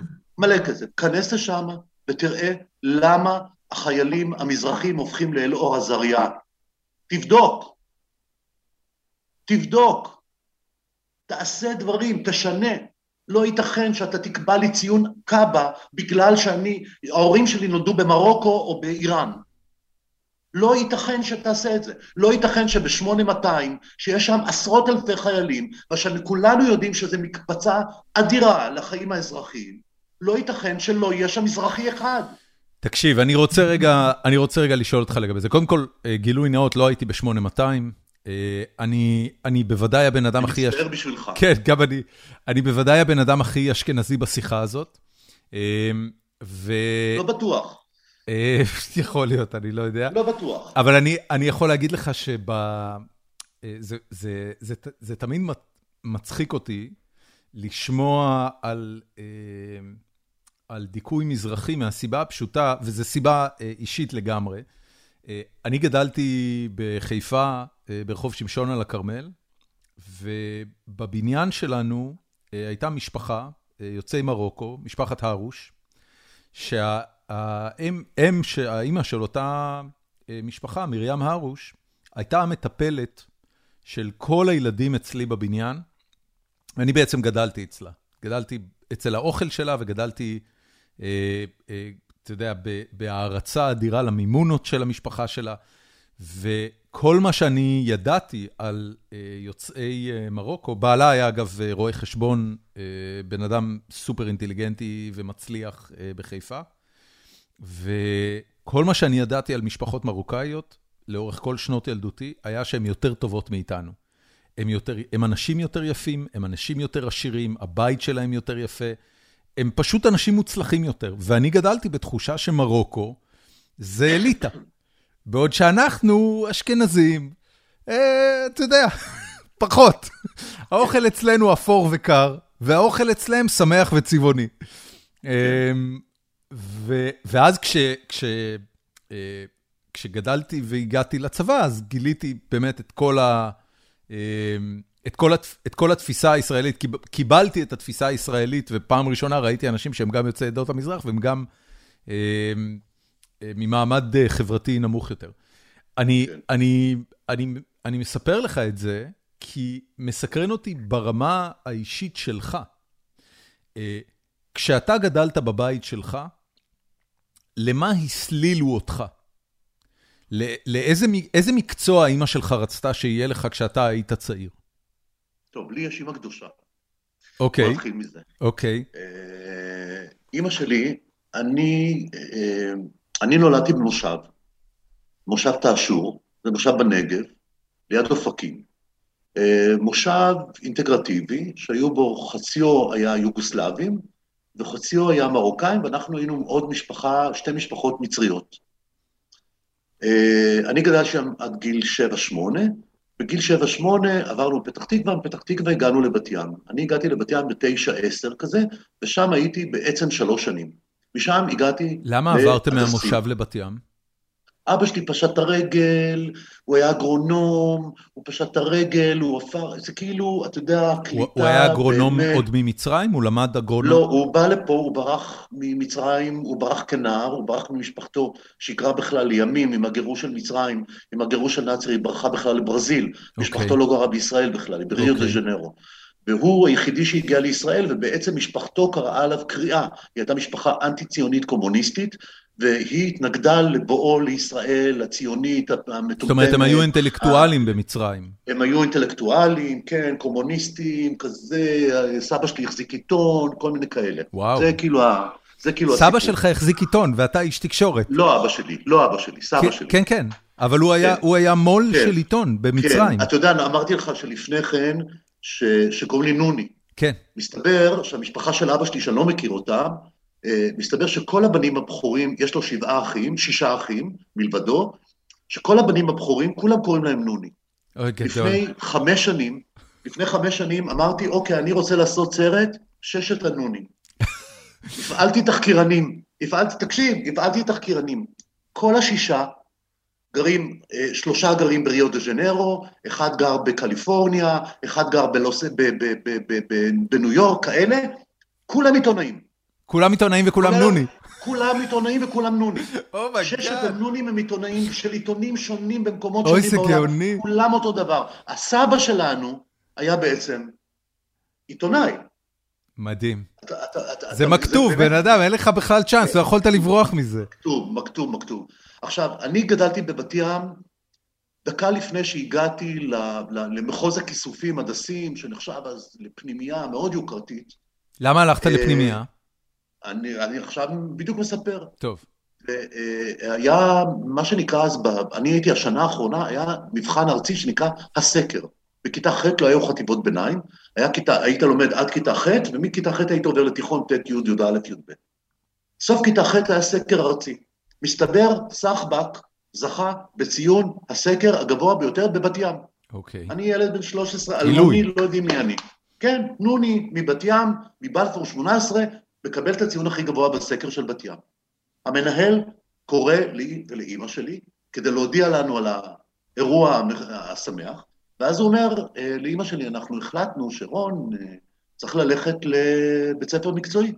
יש בבת ים בית ספר מקצועי נורא טוב, אורט, אני חושב שמגמת חשמלאות נורא מתאימה לו. אמא שלי מסתכלת עליו ואומרת לו, תסתכל על הידיים של הילד שלי. תראה, הוא כותב שירה, הוא כותב שירים, הוא מנגן בגיטרה כל היום. אתה חושב שהוא יכול להיות חשמלאי ומסגר? בחיים זה לא יקרה. עכשיו, היא לא הבינה את ההסללה. היא הבינה שזה פשוט לא מתאים לי.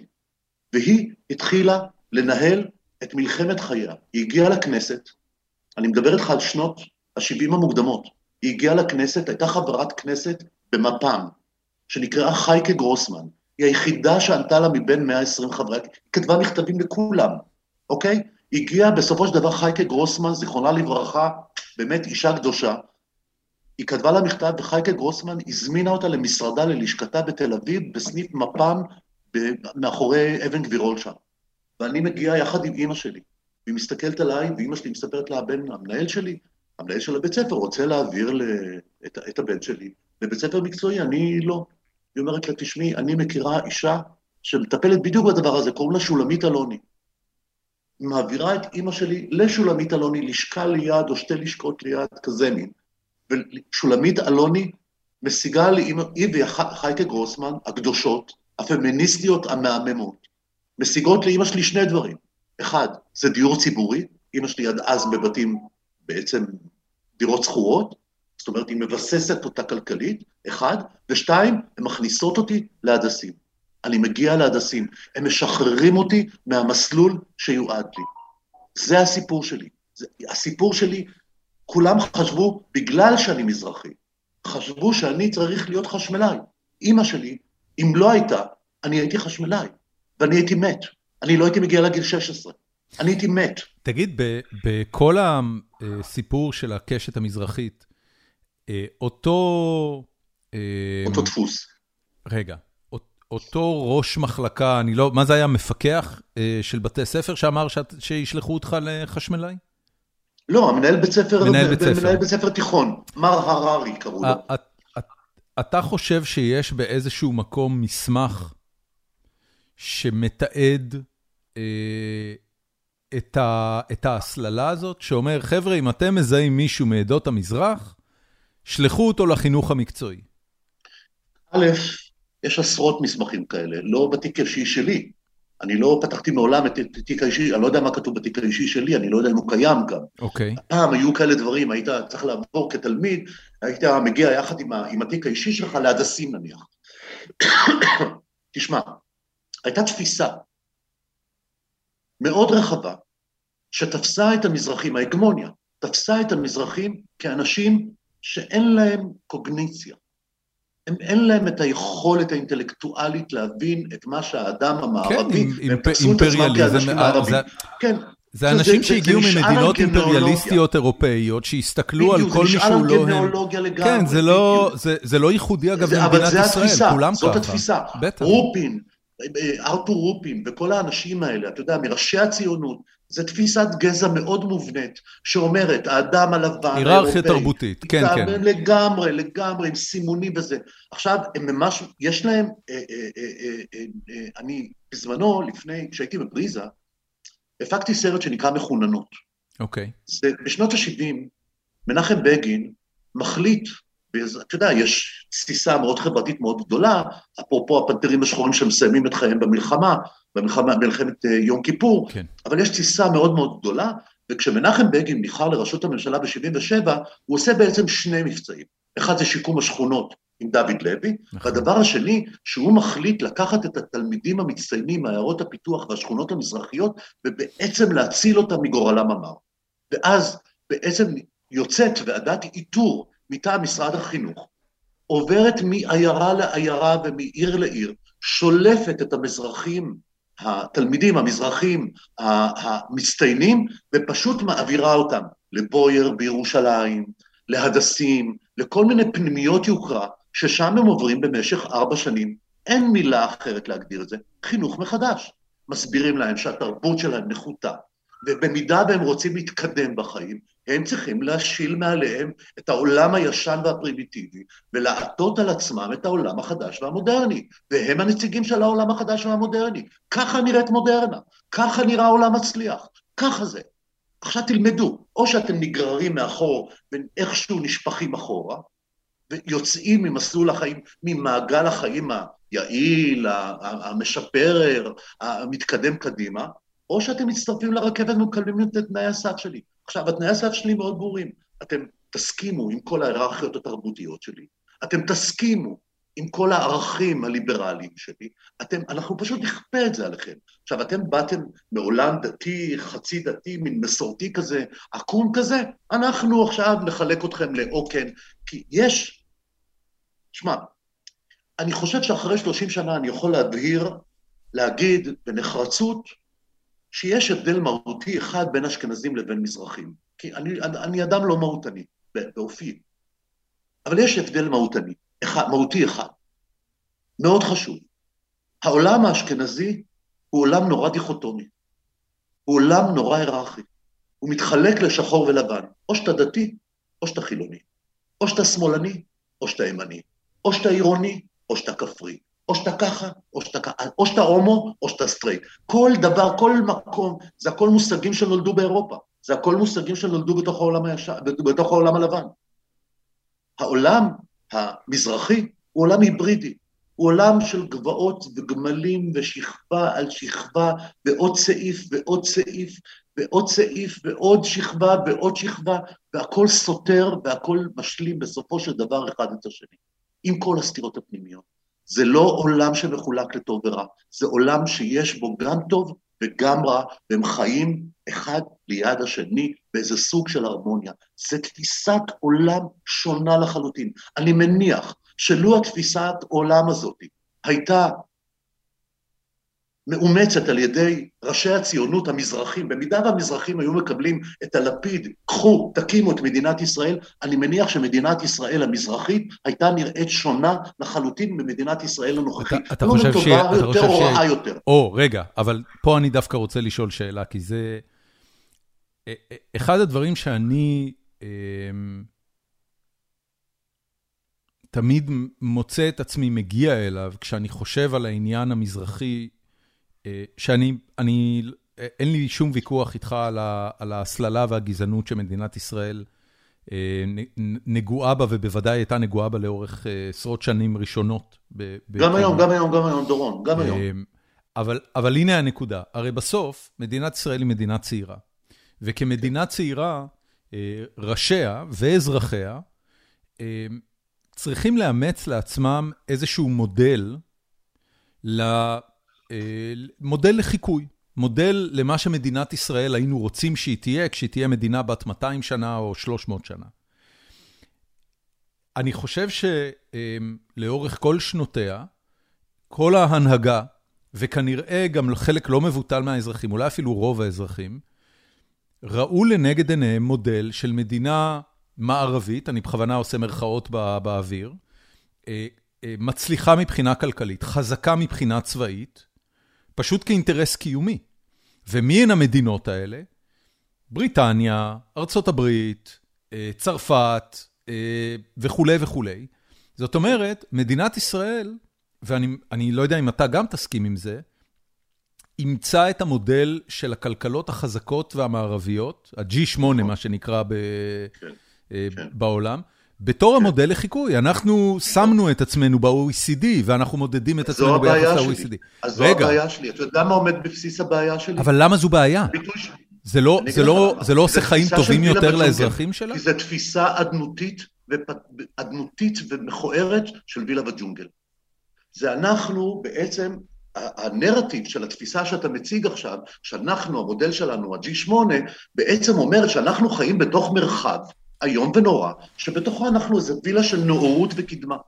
אוקיי? אנחנו באמצע ים נחשל, פרימיטיבי, מיליטנטי אה, אה, וכולי, ואנחנו בעצם איזה סוג של, אה, אני יודע מה, איזה מדינת משנה אירופאית, שלוחה אירופאית בתוך המזרח התיכון המזיע והפרימיטיבי והמתלהם. זה כאילו התפיסה. ואני אומר לא. אני אומר, מדינת ישראל לא יכולה גם בגלל, גיאוגרפית, גם בגלל שאנחנו יושבים באזור כזה שהוא תיכון, אתה יודע, הוא בין לבין, אנחנו בעצם, אנחנו נקודת הגישור, אנחנו הגשר בין העולם האחד לבין העולם השני, בין העולם ה-so called מתקדם לבין העולם ה-so called פרימיטיבי.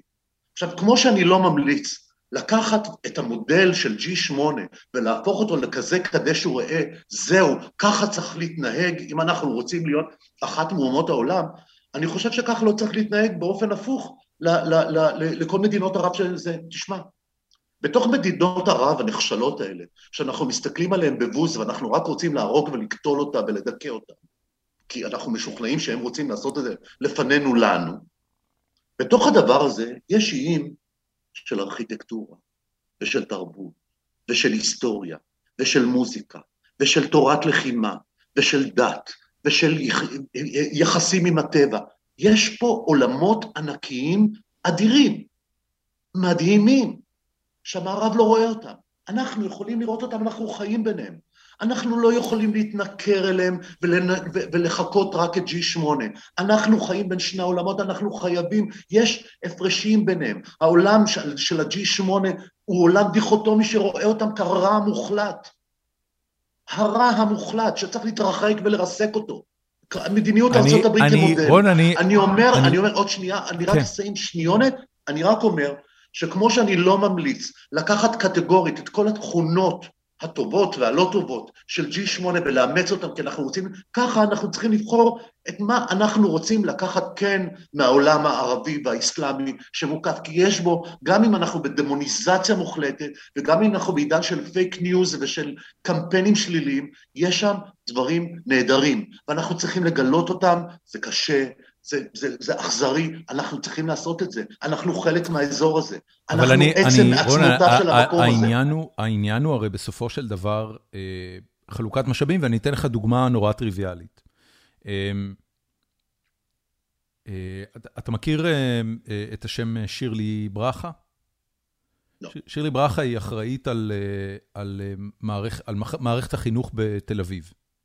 אוקיי. אה, אני לא, אני לא זוכר את הטייטל המדויק, אבל היא אחראית על מערכת החינוך בתל אביב. אוקיי. ובקיץ האחרון, במהלך חופשת הקיץ, היא כתבה על זה באריכות בפייסבוק שלה. אני, אני עוקב אחריה גם, במקרה מדובר בחברת ילדות, אה, גדלנו ביחד באותה שכונה בחיפה. אה, היא כתבה על מסע שהיא עשתה עם קבוצה של אנשים שמנהלים את החינוך בתל אביב, ל... אני לא זוכר אם זה היה דנמרק או שוודיה או נורבגיה, משהו בסגנון הזה. אחת מהמדינות הסקנדינביות. כן. נניח שיש קיץ כזה, שבו אה, משלחת ישראלית נוסעת לאנשהו, והם רוצים להביא את התובנות הטובות ביותר על, ה... על, ה... על חינוך כדי לשפר את מערכת החינוך הישראלית. הם לא יכולים בו זמנית גם לנסוע לנורבגיה וגם לנסוע למצרים, הם צריכים לקבל החלטה, אוקיי? אז הם מקבלים את ההחלטה לנסוע לנורבגיה. למה? כי יש הכי הרבה אינפורמציה על זה שמערכת החינוך בנורבגיה היא כנראה מהמצליחות בעולם. אני, אני אשאל אותך, אני לא יודע איזה, איזה ממדינות אה, שכנותינו אתה מכיר הכי טוב, אבל נניח מצרים, אה, מה, מה לדעתך מדינת ישראל צריכה ל, ללמוד ממצרים? את מי אנחנו צריכים לשלוח למצרים כדי לייבא משם כמה דברים נפלאים שאתה יודע, יגרמו לנו להתחיל להבין שבואנה, מצרים זה לא איזה אומה פרימיטיבית של אה, אחים מוסלמים ששוחטים אחד את השני, אלא מדובר... אני אעשה לך את החיים הכי... אני אעשה לך את החיים הכי קלים. כן. קולנוע, קולנוע, מוזיקה. בסדר? I rest my case. אני לא צריך לקחת מהם את הכל. אני לא צריך לקחת מהם מודלים לחינוך, איך צריך לחנך בבתי ספר, מערכת החינוך שלהם כושלת. אוקיי. Okay. למרות שאחוז האקדמאים שלהם הרבה, יותר גבוה, אבל נעזוב את זה. מערכת החינוך לפי התפיסה המערבית שלהם היא כושלת. נכון, אני מבין את ברכה, את גברת ברכה, למה היא לא הולכת למצרים ומעדיפה את. אני אגב, אה, לא שאלתי אותה, אני לא, אני לא יודע אם היא... תשמע, כן. נורא נורא נורא קשה למצוא בעולם שכל כך עושה דמוניזציה לעולם הערבי ולערכיו ולהיסטוריה שלו, נורא קשה למצוא נקודות זכות. נורא. אני חושב שתפקידנו כאנשים נאורים ואנשים רודפי שוויון, חובתנו המוסרית זה לגלות, ללכת למצרים ולשבת ולהשקיע משאבים כדי להוציא משם את הדברים שאנחנו צריכים לאמץ כמודלים. כן, זה מה שאנחנו צריכים לעשות. גם כשלום, גם ככלכלה, גם כי אנחנו עצם מעצמותיו של האזור בדיוק כמו מצרים, מצרים לא הולכת להיעלם וגם אנחנו לא הולכים להיעלם. נכון. אז כדאי שיהיה בינינו גם דברים משותפים. יש שפה משותפת, יש היסטוריה משותפת, יש תרבות משותפת, אנחנו עושים את ההגדה של פסח, הכל מצרים ומצרים ומצרים ומצרים, כל התנ"ך זה בתקופה של הכיבוש המצרי. אנחנו צריכים להתייחס לזה. אז כן. נעשה אירועים היסטוריים נהדרים, נשחזר את יציאת מצרים, נגלה ארכי, ארכיאולוגית אם הייתה יציאת מצרים או לא. אתה יודע, דברים כאלה. אמ, מה הדבר שאתה הכי גאה בו במסגרת אה, שנות הפעילות הרבות של הקשת הדמוקרטית המזרחית? אני חושב שבג"ץ הקרקעות ב-2004 או 2005. מה זה היה? בג"ץ הקרקעות... בג"ץ הקרקעות, קודם כל, אה, אחד מהמנגנונים המסלילים, הקשים, זה הדיור הציבורי. אה, בשנות ה-50 וה-60 מדינת ישראל מאוד האמינה בדיור הציבורי. המשטר היה משטר סוציאליסטי, מעוות אמנם, אבל סוציאליסטי, אה, והיא בנתה את השיכונים האלה, ושם היא העמיסה את כל המזרחים. אבל היא שמה אותם כדיירים ארעיים כאלה. כלומר, הם לא היו בעלי הנכס. בעוד שהקיבוצים נחשבו לבעלי הנכס, גם במפעלים שהם קיבלו, ו- ו- וגם בבתים שהם קיבלו, גם אם זה לא היה רשום על שמם בטאבו, אף אחד לא היה יכול להסיר אותם משם. אותו דבר, בקיבוץ קרה, בעיר או בעיירת הפיתוח קרה בדיוק הפוך. המדינה הקימה מפעל, אבל הבעלים היו איזה אשכנזים מה, מהמרכז, והדירות היו רשומות על שם משרד השיכון, ולא על שמם של הדיירים, שאיבדו את הזכות שלהם אחרי שההורים הלכו לאיבוד. עכשיו, בג"ץ קרקעות בא ואמר, הקשת המזרחית באה ואמרה שהקרקע הוא המשאב היקר ביותר בישראל, בגלל שהיא מדינה קטנה, בלה בלה בלה, הרבה תושבים וכולי וכולי. היא המשאב היקר. מה מסתבר? שמדינת ישראל בראשית דרכה, בשנות ה-50, ראשית שנות ה-50, חילקה את ישראל למועצות אזוריות, על פי כוח פוליטי, מבטיחים, מפתח מפלגתי. חילקה את הזה. עכשיו, מה היא עשתה? נתנה לקיבוץ, למשל מועצת תמר כזה, אתה יודע, זה מועצת, מועצה ששולטת על עשרות אלפי דונמים, עם מלא עיירות בתוכה ומפעלי ים המלח וכל מיני כאלה, למי הארנונה וכל הכסף הולך? כמובן, לקיבוץ הקטן שיושב שם עם שלושת אלפים חברים, ירוחם וכל הערים מסביבות שיש שם שלושים אלף אנשים וחמישים אלף אנשים, לא מקבלים את הארנונה. הנה לך אה, אה, אה, אדנית של אי שוויון. כך מייצרים אי שוויון. כן. כך מייצרים עולם של אפסטרס ודאונסטרס, של אדונים ומשרתים. זה בדיוק ככה. בג"ץ קרקעות בא ואמר, א', תנו לכל אלה שגרים, למזרחים, דור שני, שלישי, שגרים בתוך הדיור הציבורי, שהדיור הציבורי יהיה על שמם, בדיוק כמו שהוא על שם, כשמפריטים קיבוץ, הוא על שם של חברי הקיבוץ, אותו דבר, זה אחד. שתיים, אנחנו מבקשים לפרק את המועצות האזוריות כך שהן יהיו יותר דמוקרטיות, שהכסף יגיע ליותר אנשים מאשר לאותה קבוצה מיוחסת שמקבלת, מקדמת דנן, מקבלת את כל, את כל התקציבים אפרופו כסף. זה בדיוק היה בג"ץ הקרקעות. אני חושב, בג"ץ הקרקעות גם הגיע אחרי שהייתה איזשהו סוג של אינפלציה בהפרטה של שטחי קיבוץ, בעיקר במרכז הארץ. מה זה אומר? שכל מיני קיבוצי שפעים כן, כאלה, מיליונרים. פתאום פתחו צימרים. מולטי מיליונרים. כן, פתאום כל אדמה שלהם, הם מוכרים איזה חלקת אדמה במיליארדים של שקלים, הם פותחים תחנות דלק, הם פותחים צימרים, הם פותחים איזה קניון קטן, וכל מיני כאלה. סליחה, אתם קיבלתם את הכסף שלכם, את האדמה בחכירה למאה שנה, אתם קיבלתם אותה לצורכי חקלאות, אתם לא עושים חקלאות, תחזירו בבקשה את האדמה. כן, כן, כן. תגיד, מי, מי השותפים הכי טובים היום של אה, הקשת הדמוקרטית המזרחית בכנסת? הקשת הדמוקרטית המזרח... הדמוקרטית המזרחית בסופו של דבר די התפרקה. הבנתי. התפר... היא קמה ב-1996, בראשית שנות האלפיים היה חיכוך מאוד גדול אה, אה, אה, אה, בין הראשים, נניח, של, של הקשת, האם להיכנס לכנסת ולהפוך לתנועה פוליטית או לא, בסופו של דבר זה הביא להתפרקות הקשת. הקשת קיימת, אבל עם השפעה מאוד קטנה, זה סתם כאילו מכוח האנרציה, אין פה איזה, אין פה איזה חזון גדול ו, וכל מיני כאלה. אפשר להגיד שהקשת הביאה מודל חדש של מזרחי, המזרחי אינטלקטואל, לא המזרחי שמגיע מלמטה, אני לא קזבלן, אני יכול להגיע גם מלמעלה וכולי וכולי, היא שמה את היד על מנגנונים מאוד מאוד חשובים כמו קרקע, כמו צבא ו- וכאלה, היא באה בשפה אקדמית שיצרה ניכור כמובן עם, ה, עם, ה, עם, ה, עם, ה, עם המזרחים וגם עם האשכנזים שהרגישו שמתנשאים עליהם, ובצדק, ובסופו של דבר היא התפרקה, ואני חושב שההשפעה שלה לא כזאת גדולה, חוץ מהצבת המודלים הגדולים האלה, ההשפעה שלה לא גדולה. אין, אני לא, היום אין, אין קשר. המאבק המזרחי הוא מאבק די כושל, צריך להודות. כן. הוא לא, יש בו הרבה צעקנות, יש בו הרבה התלהמות, והרבה כאב. אתה אומר מצד אחד הוא כושל, אבל מצד שני, אתה יודע, הזמן עושה את שלו. אה, ומהבחינה כן, הזאת... מה, איזה מזרחיות מנצחת? המזרחיות הימנית, המזרחיות הפשיסטית, המזרחיות השמרנית, בוא, בוא נתחיל מזה שברמה... ברמה... המזרחיות הליכודית, שלא להגיד המזרחיות הביבית. בוא, בוא, אמרת קודם... זה מצליח, אם זה הצלחה בעיניך, סבבה. אמרת קודם שנביא ממצרים אה, אה, אה, קולנוע ומוזיקה. אה, כן. לפחות במה שקשור למוזיקה ישראלית היום. כן. אני לא יודע אם אתה מתייחס לזה בתור חלק מהמאבק המזרחי, אבל אה, פופ ים תיכוני, מה שמכונה, סלח לי על הביטוי המגונה הזה, אני אפילו לא יודע כן. איך לקרוא לזה, אבל זה זה בעצם פופ אה, אה, עם עם השפעות ערביות. הוא המוזיקה הרווחת בישראל, הוא המוזיקה שמושמעת הכי לא הרבה בגלי צה"ל. אני לא קורא לה פופ הים תיכוני, כמי שעשה את ים של דמעות, אני לא קורא לה פופ הים תיכוני מוזיקה מזרחית, המוזיקה המזרחית מתה כפרה עליך. הבנתי. המוזיקה המזרחית מתה יחד עם סגירתה של התחנה המרכזית הישנה, ומותו, התאבדותו, slash, התאבדותו של זוהר ארגוב בסוף שנות ה-80. שם נגמרה המוזיקה המזרחית. מאז יש כל מיני ניסיונות מסחריים לסנטז איזה משהו, לקרוא לו בשם, זה כבר לא קוראים לזה מוזיקה מזרחית, גם קוראים לזה ים תיכוני, ולא ים תיכוני, אולי מזרח תיכוני, אולי ככה, אולי ככה, זה כל הזמן עסוקים בהגדרות, המוזיקה מתה, אין היום מוזיקה מזרחית. יש זמרים מזרחיים, יש ז'אנר מזרחי, אבל אין, אין מוזיקה מזרחית. לעיתים כמחווה, כסוג של קאבר, כאיזה סוג של דיאלוג מוזיקלי. זאת אומרת, אתה, אתה, אתה לא מתייחס להצלחה של... סטטיק ובן אל זה מוזיקה מזרחית? מי זה מוזיקה מזרחית? סטטיק ובן אל זה פופ. הם לא מוזיקה מזרחית, זה באמת פופ ים תיכוני, כן, זה פופ ים תיכוני, כן. יורו-פופ עם נכון. השפעה ערבית. נכון. אין פה שום דבר נכון, מזרחי. אז זאת אומרת, האם המאבק הצליח או לא הצליח? תשמע, המוזיקה המזרחית כאילו הצליחה. אוקיי? אם פעם הם היו מנגנים במועדונים של דרום תל אביב, באזורי התעשייה דרום תל אביב, בשפע. בשעות הלילה, היום היא ממלאה את קיסריה כן. ואת אה, נוקיה. אוקיי, סבבה. אז יש כאילו הצלחה מסחרית, אבל אני חושב שההצלחה הזאת היא הצלחה פולקלוריסטית ולא הצלחה פוליטית. אתה מבין? היא הצלחה כן. מסחרית, היא לא הצלחה מבין. פוליטית. המזרחי, המאבק המזרחי לא הצליח. לגמרי לא מבין. לא פרצו פתאום. לגמרי, לגמרי מבין. כן, כן, כן. כן. זה, זה, טוב, תראה, מה, מה אתה עושה, רגע, רגע, רגע, מה, אני, אה, אה, לפני כמה שנים יצא צרפוקאים בכאן 11?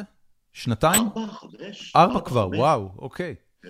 הזמן עובר כשנהנים. אמ, מה הוביל אותך כן, לעשות את הסדרה הזאת? אני, למאזיננו, אני רק אגיד, אה, עשית סדרה דוקומנטרית בכאן 11, על העלייה הצרפתית... מאז עשיתי עוד מלא.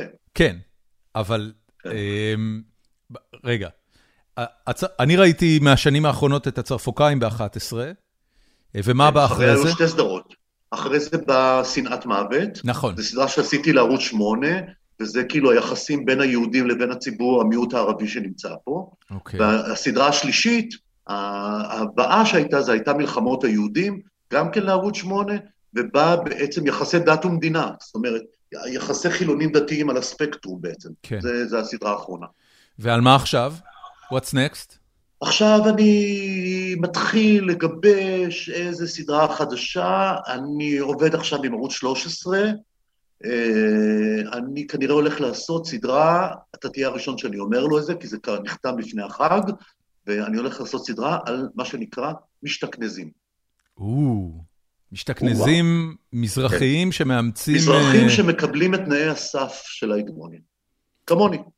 אתה רואה בעצמך משתכנז? אני המשתכנז הקלאסי. בטח. אני משתכנז גאה. כי הלכת לגלי צה"ל, למרות ש... גם הלכתי לגלי צה"ל והברטתי את השם ועשיתי כל מיני דברים, אבל גם בגלל, תראה, אין, אם אתה משתכנז, זה לא יום אחד אתה סוגר את הכפתור ואתה אומר, אוקיי, זה היום, אני מזרחי. נקודת המבט הלבנה, האשכנזית, כבר בתוכי.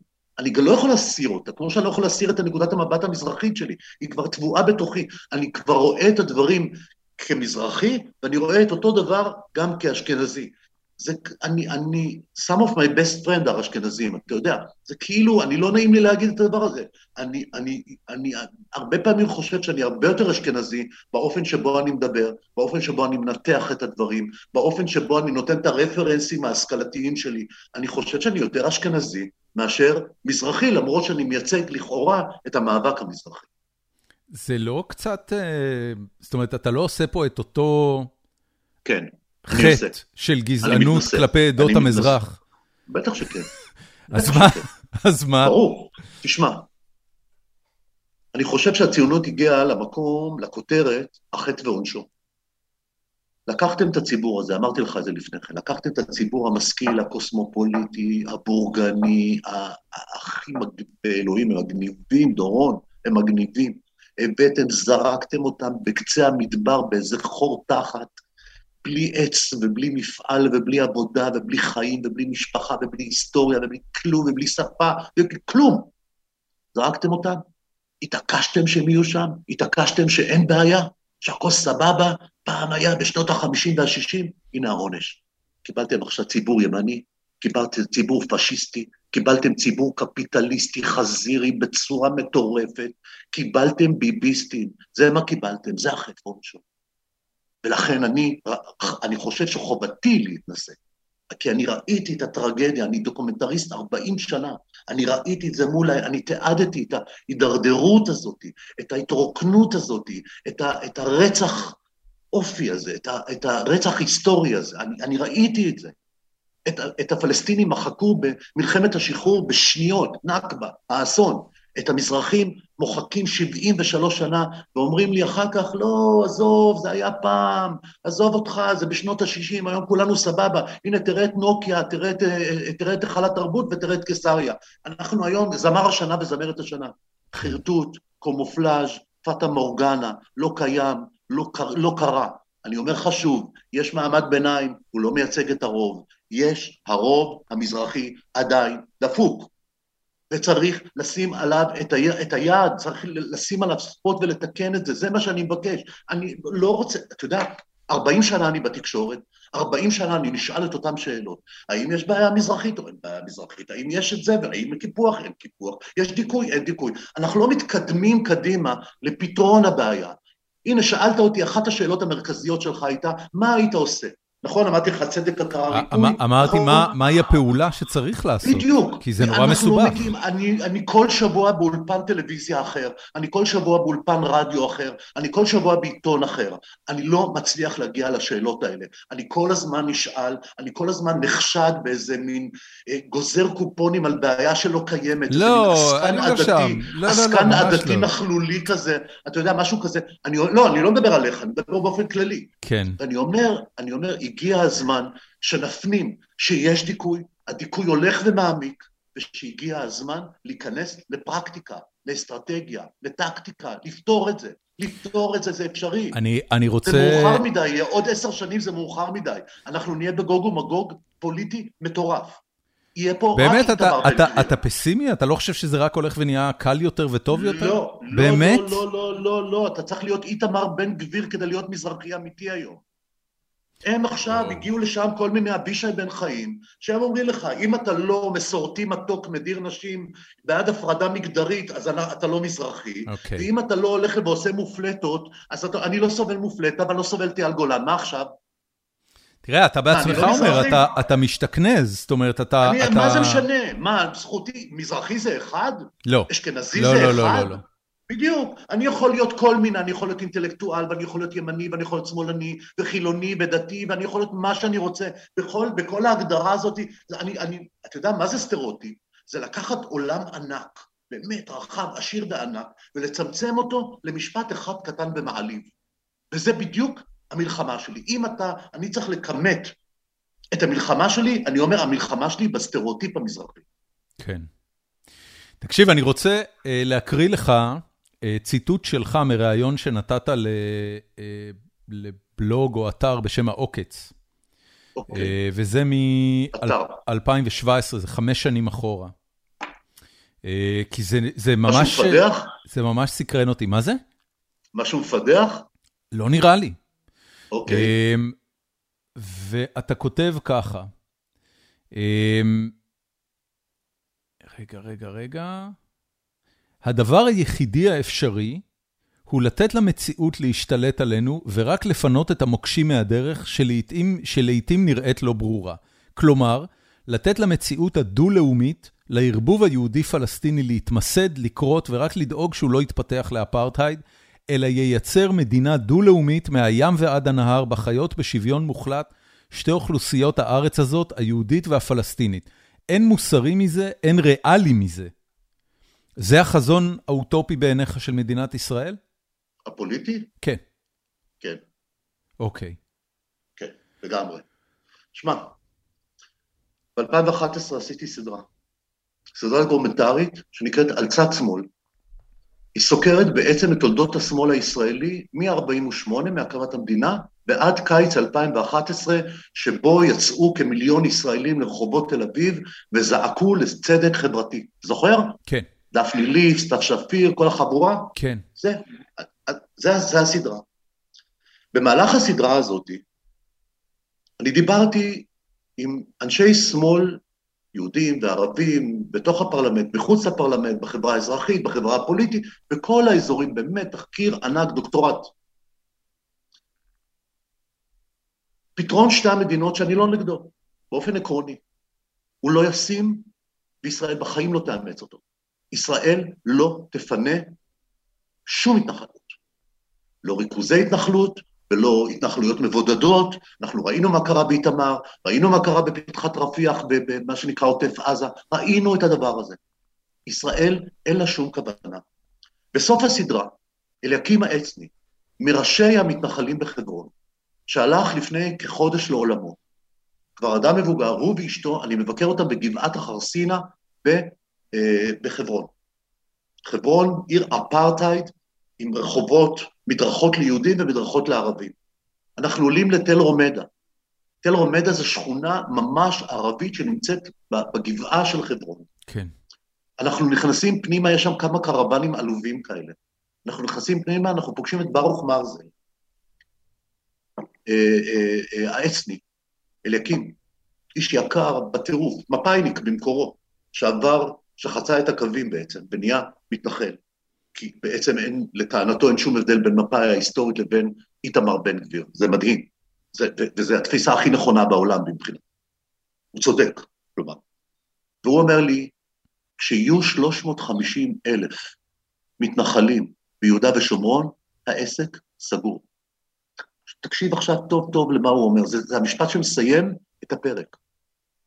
כשיהיו פה 350 אלף יהודים, העסק סגור ובלתי הפיך.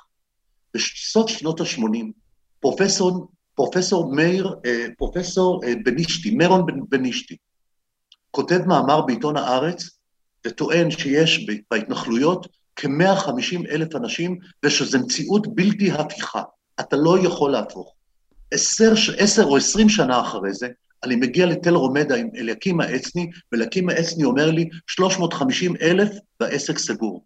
שנה, או לפני שנה, במסע הבחירות האחרון של נפתלי בנט לראשות הממשלה, הוא עולה על במת הכנסת והוא אומר שביהודה ושומרון חיים חצי מיליון מתיישבים, מתנחלים. אוקיי? זה, זה סגור. אנחנו, אין, לא יהיה פתרון. ולכן מדינת כל אזרחיה... זה משיכת זמן. כן. עכשיו, אני אומר גם, כל פתרון שמבוסס על הפרדה בין אוכלוסיות שנועדו לחיות אחת עם השנייה, נידון לכישלון. לא יקרה. זה לא יקרה. עכשיו, אני לא אומר שחזון המדינה הדו-לאומית, שבה חיים בשוויון מוחלט שני העמים, בין הים לבין הנהר, היא החלום האוטופי שלי. מצד שני, היא החלום המוסרי האפשרי היחידי. אני לא מוצא אופציה אחרת. עכשיו אני יודע, המודלים של מדינות דו-לאומיות בעולם הם רעות. ראה בלגיה, ראה יוגוסלביה, ראה אפילו ברית המועצות. כן. ירדן? אני, אני, אני רואה, ב, ב, רק לפני שנה בלגיה עמדה על סיפו של משאל עם, האם כן לפצל או לא לפצל, האם לחזור לכאן או לחזור לשם. אני יודע שזה לא מודלים טוב. אתה יודע מה? במובן הזה אני גזען.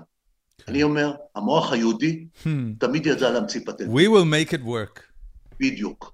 ואני אומר, הגיע הזמן שאתה ואני וחברים שלנו, וקצת הייטקיסטים, וקצת אנשי תקשורת, וקצת אנשים מהרחוב, וקצת אנשים מהקיבוץ ומהמושב, ישבו ביחד סביב שולחן עגול, ויראו איך אפשר להגיע לשם. כי אנחנו נגיע לשם בין אם יהיה פתרון של שתי המדינות, או לא יהיה פתרון של שתי המדינות. אנחנו הולכים במסלול הזה כבר מ-48' ועד היום. זה המסלול, לא רוצים להיפרד. אנחנו רוצים את כל השטח. גם כן. הם לא רוצים להיפרד, הם רוצים את כל השטח. שניהם, שני הצדדים, רוצים את אותו שטח. בשטח. יש פה טרגדיה מובנית, חייבים לפתור אותה ולתת לכולם את הכל. קחו היהודים, קחו את הכל מהים עד הנהר, פלסטינים, קחו את הכל מהים עד הנהר. עכשיו, אני לא אומר שבתוך המדינה הלאומית... ותסתדרו, לכו, לכו תסתדרו. לא, אני אומר, אני אומר, בוא, אתה יודע, יש אה, אה, אה, חברה אזרחית, ארגון אזרחי, שנקרא ארץ לכולם. נורא מעניין. תיכנס פעם לאתר הזה. אני אעשה את זה. ארץ לכולם. עכשיו, מה הוא אומר? בוא נעשה כמו שהאיחוד האירופאי עשה. נקים מעל הנהר, בין הים לבין הנהר, נקים איזה מוסד עליון כזה, אתה יודע, מין אה, אה, מועצת היור. כן, כן, פדרציה. כן, פדרציה, כן. קונפדרציה, בדיוק. זה בדיוק מה שהוא אומר. עכשיו, זה לא אומר שאין מדינת ישראל בגבולות 67 ומדינת פלסטין בגבול 67, מגבולות 67. לא, הוא לא אומר, יש. יש מוסדות שונים, אבל יש שיתופי פעולה בין הצדדים האלה. הם יודעים שאזרח רמלה רמאללה יכול לעבור ולהיות השכן שלי ברחוב שרנחובסקי בתל אביב. ואני יכול לגור ממש, מחר ברמאללה, ואני ממש... רוצה לגור ברמאללה. אני מעדיף את רמאללה על תל אביב הפלצנית, היקרה והמטונפת. כן. תקשיב, אמ, אני, אה, מתחיל, אה, מתחיל להיגמר זמננו, ויש לה, לפודקאסט הזה, יש קבוצה יקרה בפייסבוק שנקראת פורום החיים עצמם של גיקונומי, אה, שאני... אה, אנחנו מפרסמים שם מי הולך להיות האורח, ואנחנו שואלים אם לאנשים יש שאלות, ולשמחתי הרבה, אה, הרבה אנשים מכירים אותך ואת פועלך, והיו להם שאלות. אה, אז, אז אני, אני אשאל כמה שאלות ככה לסיום הפרק. טוב. שלום ווליך, היו לו כמה וכמה שאלות, אני אבחר רק בשתיים מהן, כי, כי הוא שאל הרבה. האם אתה מסכים שבכל מישור, הניוד הבין-דורי והאפשרויות של המזרחים השתפרו וממשיכות להשתפר? אם כן, מה הסמן שאתה שם לעצמך וממליץ לציבור לעקוב אחריו כדי להגיד את המשפט, זה כבר לא משנה אם אתה מזרחי או אשכנזי? קודם כל, חמוד לאללה. שאלה חמודה. אה, תראה, אה, איך אני אענה על הדבר הזה? איך אני צריך לענות על הדבר הזה? תקריא לי עוד פעם את השאלה. האם אתה מסכים שבכל מישור, הניוד הבין-דורי והאפשרויות של מזרחים השתפרו וממשיכות להשתפר? אוקיי, אני אענה על זה. כן. יש תחומים שכן ויש תחומים שלא. איפה לא? יש תחומים שההגמוניה, יש תחומים שההגמוניה מחזיקה את הקלפים מאוד קרוב לחזה. בית משפט, מערכת okay. אוקיי. המשפט, אקדמיה, תקשורת. שלושה מנגנונים חזקים, משמעותיים, שבהם אין כניסה למזרחים 2022, בואכה 2023. אין. זה פשוט סטגנציה. האקדמיה לא מסוגלת, אז פתחו מכללות. הצבא לא זה, אז פתחו יחידות. כל הזמן מחפשים דרכים עוקפות במקום להיכנס דוך לתוך הבעיה ולפתור אותה. עכשיו, יש הרבה תחומים, בעיקר איפה שהדמוקרטיה שולטת, שבהם יש ניוד חברתי. פוליטיקה למשל. כשיש דמוקרטיה ומזרחים יכולים להצביע באופן סובינרי, אתה רואה צמיחה של מזרחים. אוקיי, נלך לתחום אחר, דיברנו עליו, מוזיקה. כן. מוזיקה זה כסף, כן. מוזיקה זה דמוקרטיה, נכון. מוזיקה זה פלייליסט, מוזיקה זה כמה אתה בבילבורד, זה כמה אתה מכרת, המדיה הדיגיטלית פרצה את החומות האלה. בדיוק, זה מצעד מכירות, נכון. זה כסף. איפה שיש דמוקרטיה וכסף, נגמר הסרט. ספורט, אותו סיפור, כסף. איפה שיש דמוקרטיה וכסף, אתה תמצא שם מזרחים. איפה שאין דמוקרטיה ואין, ויש המון כסף, אתה לא תמצא שם מזרחים. זה כאילו ההבדל. כלומר, המזרחים השיגו כמה הישגים מאוד טובים, בעיקר באזורים שנחשבים או מתויגים כעממיים, ספורט, אופנה, אני, אוכל, אני, אני כל מיני כאלה. אני רוצה רגע לעצור אותך, כי אה, כל המקומות שבהם אתה אה, ציינת, שיש דמוקרטיה ויש כסף, ולכן אה, האוכלוסייה המזרחית הצליחה, ש... הצליחה שם לפרוץ את החומות ואת הדכאנות, כן. הם בעצם. מקומות שבהם אין מעורבות מדינה. האם הדבר הזה לא גוזר תפיסת עולם מאוד ימנית מהצד שלך ברמה הכלכלית? להפך, להפך. הוא אומר, הוא אומר דבר, הוא אומר, להפך, ממש להפך, זה הכי סוציאליסטי, זה הכי קהילתי. לא, לא, לא, לא, לא, זה רגע, הכי- רגע, אני, אני, אני שואל אותך, תפיסת העולם הכלכלית שלך היא להסיר מעורבות מדינה ולשחרר רגולציה, או שאתה בעד המדינה, מדינת לא, הרווחה הסוציאליסטית? אני, אני, אני, תראה, יש תחומים, יש תחומים, אני, אני, אני בא מבית קומוניסטי, אז יש לי, יש לי תחומים שבהם... אבל הנה, כן הקומוניזם מוביל אותנו לעברי פי גר- פחת כן, מהבחינה הזאת. תשמע, אני... אין דבר יותר גרוע מלתת לקומיסרים לקבוע. דורון, קפיטליזם עשה טוב למזרחים. בדיוק, זה מה שאני אומר. אני אומר, יכול רגולציה, לא הכל לא נהיה מבוסס על קהל, כן. אני לא יכול להעמיד פנים ולהגיד שאני רוצה להיות, ש- שהמדינה תהיה סוציאליסטית על גבול הקומוניזם. זה מגוחך ומטופש ומנותק מהמציאות. אני מבין שהסוציאליזם המזויף והדיפרנציאלי של מפ"ם ומפא"י וכל החבורה הזאת, כל ראשי המדינה, הייתה באמת איזה סוג של אסון שסימן את כל התיאוריה הזאת, את כל הגישה הזאת, כפסולה. כן. וזה לא נכון, צריך, שוב, כמו שאמרנו שצריך לחפש בכל אחד את הטוב והרע, צריך לחפש בסוציאליזם גם את הנקודות הטובות שלו. אני לא בעד ראייה דיכוטומית של או כזה, או קפיטליסטי, או סוציאליסטי. אנחנו נמצאים בעידן היברידי הרבה יותר מתוחכם, שבו אנחנו חוש... יכולים לשלט תפיסות עולם שלפעמים נראות אפילו סותרות. למשל קפיטליזם עם סוציאליזם, עם סוג של רגולציה, עם סוג של אחריות מדינתית. אני למשל בעד שיקום ודרבון עולם הרווחה הישראלי. אני חושב שמדינה שהיא לא מדינת רווחה, אין לה זכות קיום. בטח כשהיא מדברת על יהדות ולהציל אבל, יהודים. אבל בו זמנית. אתה מודה שהמדינה היא כנראה אחד הגורמים הגרועים ביותר לנהל את כספי נכון, המיסים שלנו. נכון, נכון, ולכן צריך למצוא את האיזון הדק שבין הסרת אחריות לגמרי ושוק ג'ונגל כזה, שבו אדם לאדם הוא זאב וכל מי שיותר חזק שורד, אנחנו צריכים למצוא את קו האמצע בין שני הדברים האלה. טוב. לא ייתכן, אתה יודע, כאילו... כן, אני אעבור לשאלה. הבאה. אה, דניאל יצחק שואל, האם לדעתך מדינת ישראל צריכה לפתור את המשבר הכלכלי בעזה, או שהיא צריכה להתחלק בנטל הזה עם מדינות ערב באזור? א', אני חושב שמדינת ישראל קודם כל צריכה לקחת אחריות על עזה ולהגיד שעזה כבושה ושעזה היא הגטו הגדול ביותר בעולם המודרני. זה קודם כל. הכל מתחיל משם. אני נגד משחקי המילים האלה שאומרים כן, אבל עזבנו, ולא, והיא לבד, והיא, והיא ככה, והיא עצמאית. לא, אם אתה מאשר, אם להכניס כוסברה ושמיר לתוך עזה, זה אומר שאתה בעל הבית של עזה, ולא הם בעלי הבית של עזה. זה כן. אחד. ב', אני בעד שוב, אני, אנחנו, אני מתחבר לשאלה הקודמת, אני קודם כל בעד מדינה אחת בין הים לבין הנהר. תפקידה של הנהגה אמיצה זה לדבר עם הגדולים באויביה, הגדולים והחריפים באויביה, לא הם המתונים. המתונים זה, זה חוכמה מאוד קטנה, ללכת לג'יהאד האיסלאמי, ללכת לתנועות הכי אוונגרדיות המוסלמיות, אני לא יודע מה שרוצות בקיצה של ישראל, ללכת ולדבר איתם, ככה נראית הנהגה על מה יש אחראית. לדבר עם מישהו אנחנו צריכים שרוצה- לשקם את עזה, עזה זה המצפון המיוסר שלנו, הבנתי. עזה זה כתם על גורלה של ישראל, על הציונות, זה מכוער, זה מכוער וזה גם, אתה יודע מה? זה מסוכן. כן, אנחנו זה רואים את בטוח. זה, זה פשוט מסוכן. אה, טל ריפה שואל, אה, אלימות כדרך יחידה לסיום מאבקי דיכוי, נראה שבמאבק הפלסטיני אתה תומך יותר בדרך הזו, אבל בסכסוך העדתי פחות. אשמח אם קצת תרחיב על הנושא. א', השואל אה, עונה על דילמה שאכן אני נמצא בה. הרבה פעמים אני שואל את עצמי, האם הפלסטינים, אלה שמיידים אבנים ועושים כל מיני פעולות, האם, הם, אה, האם אני צריך לעמוד לצידם, או לתמוך בהם, אפילו רעיונית, או כאלה? אני הרבה פעמים שואל את השאלה הזאת, כי אני מבין את הסיבה והמסובב. אני מבין שהאנשים האלה לא נולדו אלימים אה, עם שנאת יהודים אה, יוקדת, שכל מטרת חייהם היא למות למען המולדת שלא קיימת. אני לא מאמין שיש דבר כזה. ולכן אני מנהל איזה יחס דואלי מול, מול האלימות הפלסטינית. אני גם לא חושב שתפקידי כיהודי כובש וחזק הוא, הוא, הוא, לדרג ולתייג את המאבק הפלסטיני. שהם יעשו את זה בעצמם, אני אעשה את המאבק שלי בעצמי. זה קודם כל. כבוד למי שהחליט אחרת ממני, ושאני לא מסכים. בטח לא, שזה על כולם, גם על אזרחים וגם על חיילים, תחליט מה אתה, מול מי אתה עושה, יש המון שאלות מוסריות בתוך הדבר הזה, BDS, כן לא BDS, זה כל, כל מיני דברים.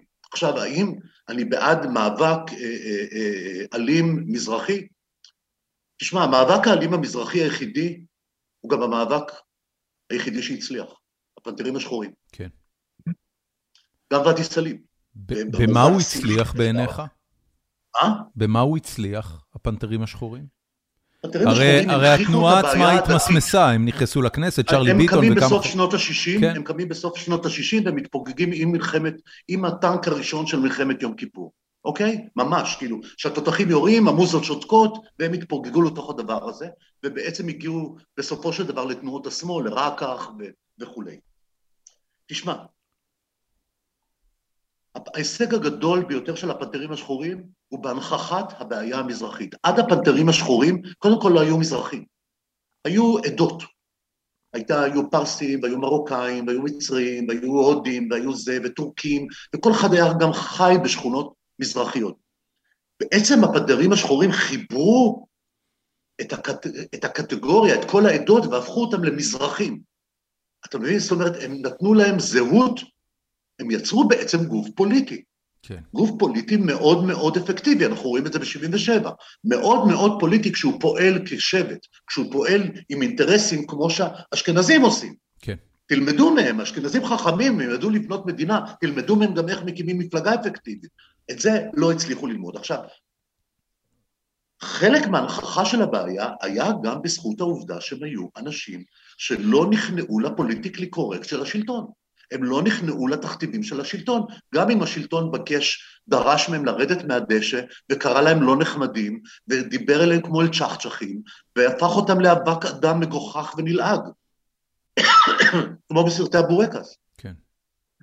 זאת אומרת, אם הם לא היו צועקים, ואם הם לא היו גונבים בקבוקי חלב מרחביה ומעבירים לתוך, הפד... לתוך השכונות אה, המזרחיות העניות, אם הם לא היו עושים את הרובין הוד הזה, את, ה... את המעברים האלה, את, ה... את ההשוואה, הם עושים, הם הראשונים שאומרים אה, כסף לשכונות ולא להתנחלויות, אנחנו מדברים על תחילת, על סוף שנות ה-60, שנתיים, שלוש אחרי המלחמה, ששת הימים שבה אנחנו כובשים את השטח. כן. תראה כמה הם הקדימו את זמנם. אני, אני, אני רק אסכם, כי זה הכל התחיל מהשאלה של טל ריפה, אבל אתה בעצם אומר, אומר, אה, עם כל הכבוד ל, ל, לשיח, כן. אה, אתה יודע, אתה איש של ניגודים, אז כנראה הדבר הזה, אתה, לא יכול שלא להודות שהמאבק האלים הוא הדבר היחיד שעובד באזור הזה. אני נכון, אני מסכים איתך, קשה לי להגיד את זה. כן. כי אני אדם, אה, כי אני אדם תרבותי, וכי אני משתכנז. חבל שזה ככה, אבל אלה העובדות בשטח. כן, כן, אני, אני לא, תראה, זה נורא קשה לי להגיד משפט כזה, אבל אתה יודע, היהודים מבינים רק כוח, מה אני, כן, מה, הערבים כן, מבינים כן. רק כוח, אני יודע, כל המשפטים האלה. הם, יש, בהם, יש בהם איזה סוג של אמיתה, אחרת הם לא היו שורדים את הזמן. יש בכוח משהו מאוד אפקטיבי. לא נעים לי להגיד, אני לא רוצה שזה יקרה.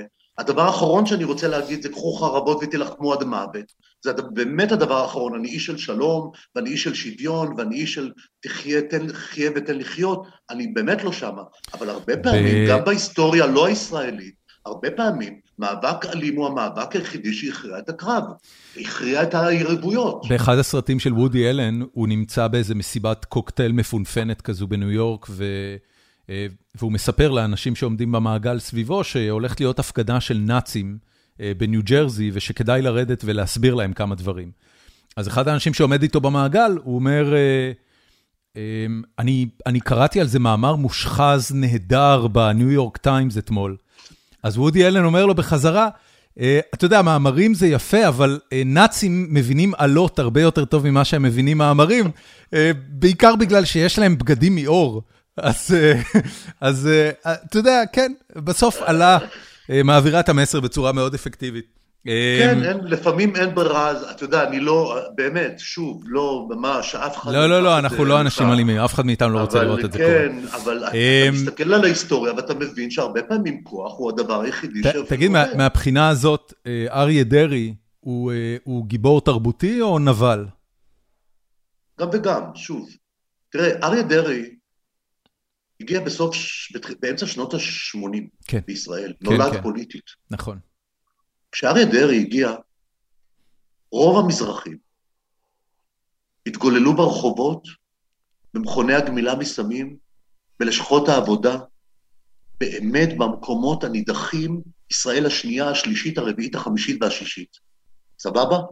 ואריה דרעי בא ונתן להם שם, ונתן להם מגבעת, ונתן להם בית פוליטי, וקרא להם, הסתכל עליהם בגובה העיניים, ואמר להם, אני רוצה אותך. עכשיו, זה, אני לא יכול לקחת את זה ממנו.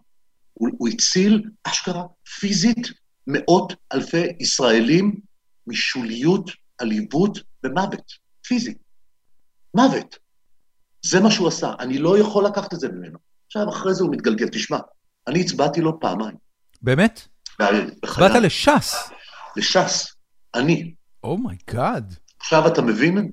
עכשיו, כשהוא נכנס לכלא, בפעם הראשונה, אני הייתי בשאגת אריה, והקשבתי לנאומים של אמנון דנקנר ושל פרופסור אמנון רז קרקוצקין ואחרים, שזעקו ואמרו, והוא זכאי וכל מיני כאלה, ואני חשבתי שהם צודקים. אני חשבתי שזה עוול פוליטי ורדיפה פוליטית איומה ונוראית. דרייפוס, ממש. אני חשבתי ככה, ואני משוכנע ככה עד היום גם. אני חושב שהייתה פה רדיפה, האיש הצעיר הזה טיפס גבוה מדי ורצה דברים חזקים ומשמעותיים מדי, ועל זה הוא שילם. המערכת רדפה אותו, בסופו של דבר, בסופו של דבר, איך אמר פרופסור אמנון קרקוצקין? מה הוא אמר? הוא אמר ככה, כל משפט דרעי הוא בעצם לשאלה, עונה על השאלה, איך לפרנק הזה יש דירה. זה הסיפור. איך לפרנק הזה אבל, יש דירה. אבל, זה אבל, נשמע לאנשים במערכת הוא, המשפט, רגע, במערכת אתה, הפוליטית אוקסימורון. אתה לא מקבל את ההרשעה שלו בתור הרשעה נכונה? לא. זאת אומרת, הוא לא עבר לא. על החוק? לא. ואם mm. כן, הוא עבר נורא בקטנה, ג'קוסי, זה, אתה יודע, כל האגדות הגדולות שהיו בתחילת הדרך הסתיימו בקול ענות חלושה. בסופו של דבר באמת השאלה היא, האם הייתה לו דירה כן או לא. עכשיו, עוברים, הוא נכנס לכלא, והוא חוזר, ובינתיים החברה הישראלית עובר, עובר זמן והופכת שינויים, מגיע אלי ישי שמחליף את מקומו. עכשיו, אלי ישי הוא איש פשיסט, הוא באמת באמת פשיסט, הוא כהניסט. והוא מגיע, ואני מסתכל בעיניים כלות על המפלגה שהצילה את אותם מאות אלפי אנשים, ואני אומר לעצמי, אלוהים אדירים, המפלגה הולכת לאיבוד, ואז הוא יוצא מהכלא, ואני בעד שהוא יחזור לתוך הדבר הזה. והוא חוזר, אבל הוא דהוי, הוא כבר לא כריזמטי, והוא לא מעניין, ופתאום יש עוד אירוע פלילי, והפעם אני לא חושב, אני, אתה יודע, אני יכול כן. לשאוג פעם אחת. כן, בפעם כן, השנייה כן. זה כבר פתטי. אני לא עכשיו עוד פעם, המערכת רודפת אותי ובלה בלה בלה, אני לא שם.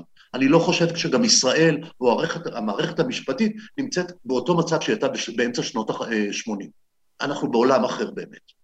אז לכן, כל הזעקות הקוזק הנגזל הזה של דרעי, שהפך את ש"ס ממפלגת שמאל, ואני הצבעתי לש"ס, כי ש"ס הייתה בעיניי מפלגת שמאל. נכון, נכון. חברתית. רבין ישב אצל, אה, סליחה. ברור, אה, היא הייתה מפלגת שמאל. ישב אצל רבין בקואליציה. בדיוק, הפסק הלכה של, של הרב עובדיה יוסף, זיכרונו לברכה, שטחים תמורת שלום, אתה יודע, כל הדברים ההיסטוריים הגדולים, ברור שאני אצביע לש"ס. כן. ברור שאני אצביע, אני לא מצביע לסטריאוטיפים עלובים שמישהו קבע עבורי, אני מצביע למה שאני חושב שהוא אמיתי, והצבעתי לש"ס. אבל אני, אם אני אצביע עכשיו עוד פעם, לא, היא הפכה. ימנית מדי, היא הפכה לקפיטליסטית מדי, היא הפכה למקדמת בורות מדי. כסף, כבוד, כוח. היא הפכה לכל הדברים הגדולים, ועכשיו הגיעה הפרשה הזאת כמו איזה דובדבן על הקצפת, הגיעה עוד איזה פרשה, עוד איזה וילה בספסופה, או לא יודע מה, זה כמו כל כך עלוב, לא בא לי להיכנס לתוך וילה בספסופה, נו בחייאת, אני בן אדם עסוק. טוב, אמ, אנחנו נסיים, רון. תקשיב, זה היה לי לעונג בלתי רגיל. גם לי, גם לי. אני מאחל לך שנה נהדרת. מתי נזכה לראות את הדבר הבא ממך? זה... אתה אומר, חתמת על החוזה, תוך שנה זה ישודר? קודם כל, בשלושה, בעוד שלושה, ארבעה, חמישה חודשים, אני מוציא את הרומן הראשון שלי. מזל טוב, וואו, ספר קצת. כן, כתבתי רומן, רומן למבוגרים, הוצאתי פעם ספר לבני נוער, ספר הרפתקאות כזה לבני נוער, והפעם הראשונה, בגיל 64, אני כתבתי את הרומן הראשון שלי. איפה אפשר למצוא אותו? עוד, עוד לא, הוא יהיה בכתר. אה, הוא לא, הוא יהיה זמין גם דיגיטלי? עוד לא יצא, אני, אני עכשיו בתהליכי אה, עבודה עליו, אבל כאילו חתמתי חוזה, והוא אמור לצאת בזמן הקרוב. אז זה אחד. מה הנושא שלו, תשאל? מה הנושא שלו? משתכנזים. אוקיי. ומי גיבוריו? מי גיבוריו? אני שני פרויקטים על המשתכנזים, אני חושב שהשתכנזות היא סיפור של דור. כן, אני מסכים איתך במאה אחוז. זה סיפור של הדור שלי. ואני חושב שהסיפור הזה צריך להיות מסופר איכשהו. ואני חושב שאני רוצה לרתום את הכישרון שלי לטובת הלאה, כמו שעשיתי עם ערסים ופרחות, וכמו שעשיתי עם כל מיני נושאים שהעליתי כאילו לדיון, לשיח, אני רוצה גם להעלות את הדבר הזה. משתכנזים כקטגוריה הדור... תרבותית. בדיוק. זה נהדר, זה נהדר. תודה. כל הכבוד, יקירי. אמ, אני אשמח מאוד אה, כשהספר יצא, אם תשלח לי רק לינק, אני אשמח לקדם אותו ב... אה, באתר שלנו, בסדר? בכיף, בכיף, אה, הייטקיסטים יאהבו אותו. אני בטוח, איך אפשר שלא? ברור. אמ, תקשיב, זה היה לי... הייטקיסטים הם אנשים נחמדים, לא? אמ, קודם כל, אני כאילו, כמעט לא, אני כמעט, אני כמעט לא מכיר, אני כמעט לא מכיר אף אחד שהוא לא הייטקיסט, כי זה בסוף המיליה שלי. אבל אני כן אגיד לך משהו לגבי הייטקיסטים. יש שם פריקים? יש שם פריקים? בטח, מלא, מלא, מלא, בכל הצורות האפשריות. אמ, ההייטק הישראלי אמ, הוא אחד המקומות כנראה הבודדים שבהם אה, יש מריטוקרטיה אמיתית. זאת אומרת, אם אתה יודע לפתור בעיה, אם אתה יודע לכתוב קוד, אם אתה יודע לעצב גרפית, אם אתה יודע לעשות משהו שקוסם לקהל, שמביא קהל, שקוראים לזה, ב, ב, אנחנו קוראים לזה בעברית מקנברט, זאת אומרת, אתה מביא בן אדם למשהו והוא הופך ללקוח. אה, אתה המלך, באמת אתה המלך. וואלה. אה, ולכן, כלומר, אתה יודע... כלומר, אתה נמדד על פי ערכך. אתה יודע שסטיב ג'ובס הוא, אה, הוא סורי במקור.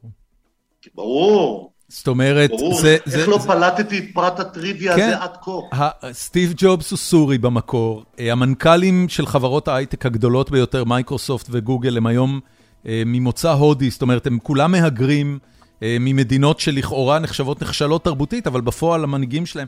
ואגב, אני חי בארצות הברית עכשיו כבר חמש שנים, ההשפעה של זה על ארצות הברית היא עצומה. כמות האנשים האסייתים והחומים שאתה רואה בכל פרסומת, בכל סדרה, אה, סגנית הנשיא. אה, תראה, קמאלה האריס בוודאי, אה, נשיא שחור כבר היה. נכון. יש עוד כברת דרך לעשות... כאילו שחור, כאילו שחור. לא, הוא היה שחור על מלא, אחי, לא ניקח לו את זה. כאילו שחור. He was really black. כן, זה היה יום חג לאוכלוסיות שחורות בארצות הברית. נכון. אבל ארצות הברית גם מתקדמת מהבחינה הזאת. פשוט, עוד פעם, it's all about the money. מגיעים האנשים, כשאתה רואה שמנכ"ל מייקרוסופט, שהוא מיליארדר בוודאות, אה, הוא, הוא הודי, וכשאתה רואה שמנכ"ל גוגל הוא הודי, זהו, שם נגמר הסטריאוטיפ, אין יותר סטריאוטיפ. אתה יודע מה, אז בוא נחזור, בוא נחזור לציטוט שלי, שהקראת, מהעוקץ. בוא ניתן למציאות לעשות את שלה, בוא לא נפריע לה. זה, אני מאה אחוז איתך, בוא לא נפריע לה, בוא, אם הכסף מנהל אותנו, ואם אנחנו כאלה קפיטליסטים, אוקיי, שיבואו הודים, שיבואו צ'רקסים, כן. שיבואו מי שרוצה, אוזבקים, מה שהם רוצים. Let the שיבואו, best man הם יודעים לעשות כסף, שיעשו. ממש. שתהיה לך שנה נהדרת, יקירי. שנה מתוקה וטובה ומוצלחת. ותודה שבאת. ומלאה נחת.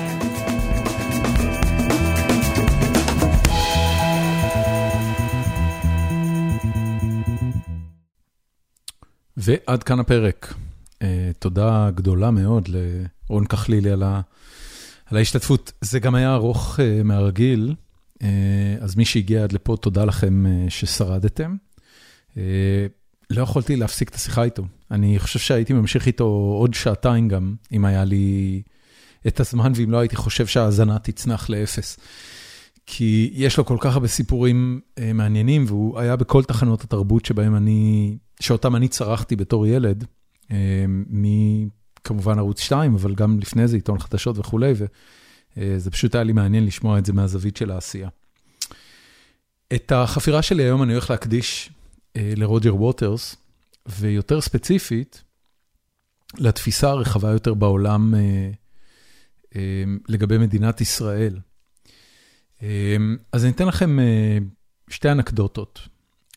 האנקדוטה הראשונה קרתה ביום כיפור האחרון, בית אה, כנסת הרפורמי שאני מבקר בו, אה, יש לו רב, והרב הזה בדיוק עכשיו מסיים את הקדנציה שלו, ובמסגרת זה שהוא מסיים את הקדנציה שלו, הוא נשא נאום, כי הוא אמנם אה, מסיים את הרבנות שלו בקהילה בעוד חצי שנה, אבל זה כנראה הפעם האחרונה שהוא יראה חלק גדול מהנוכחים שהיו בחדר.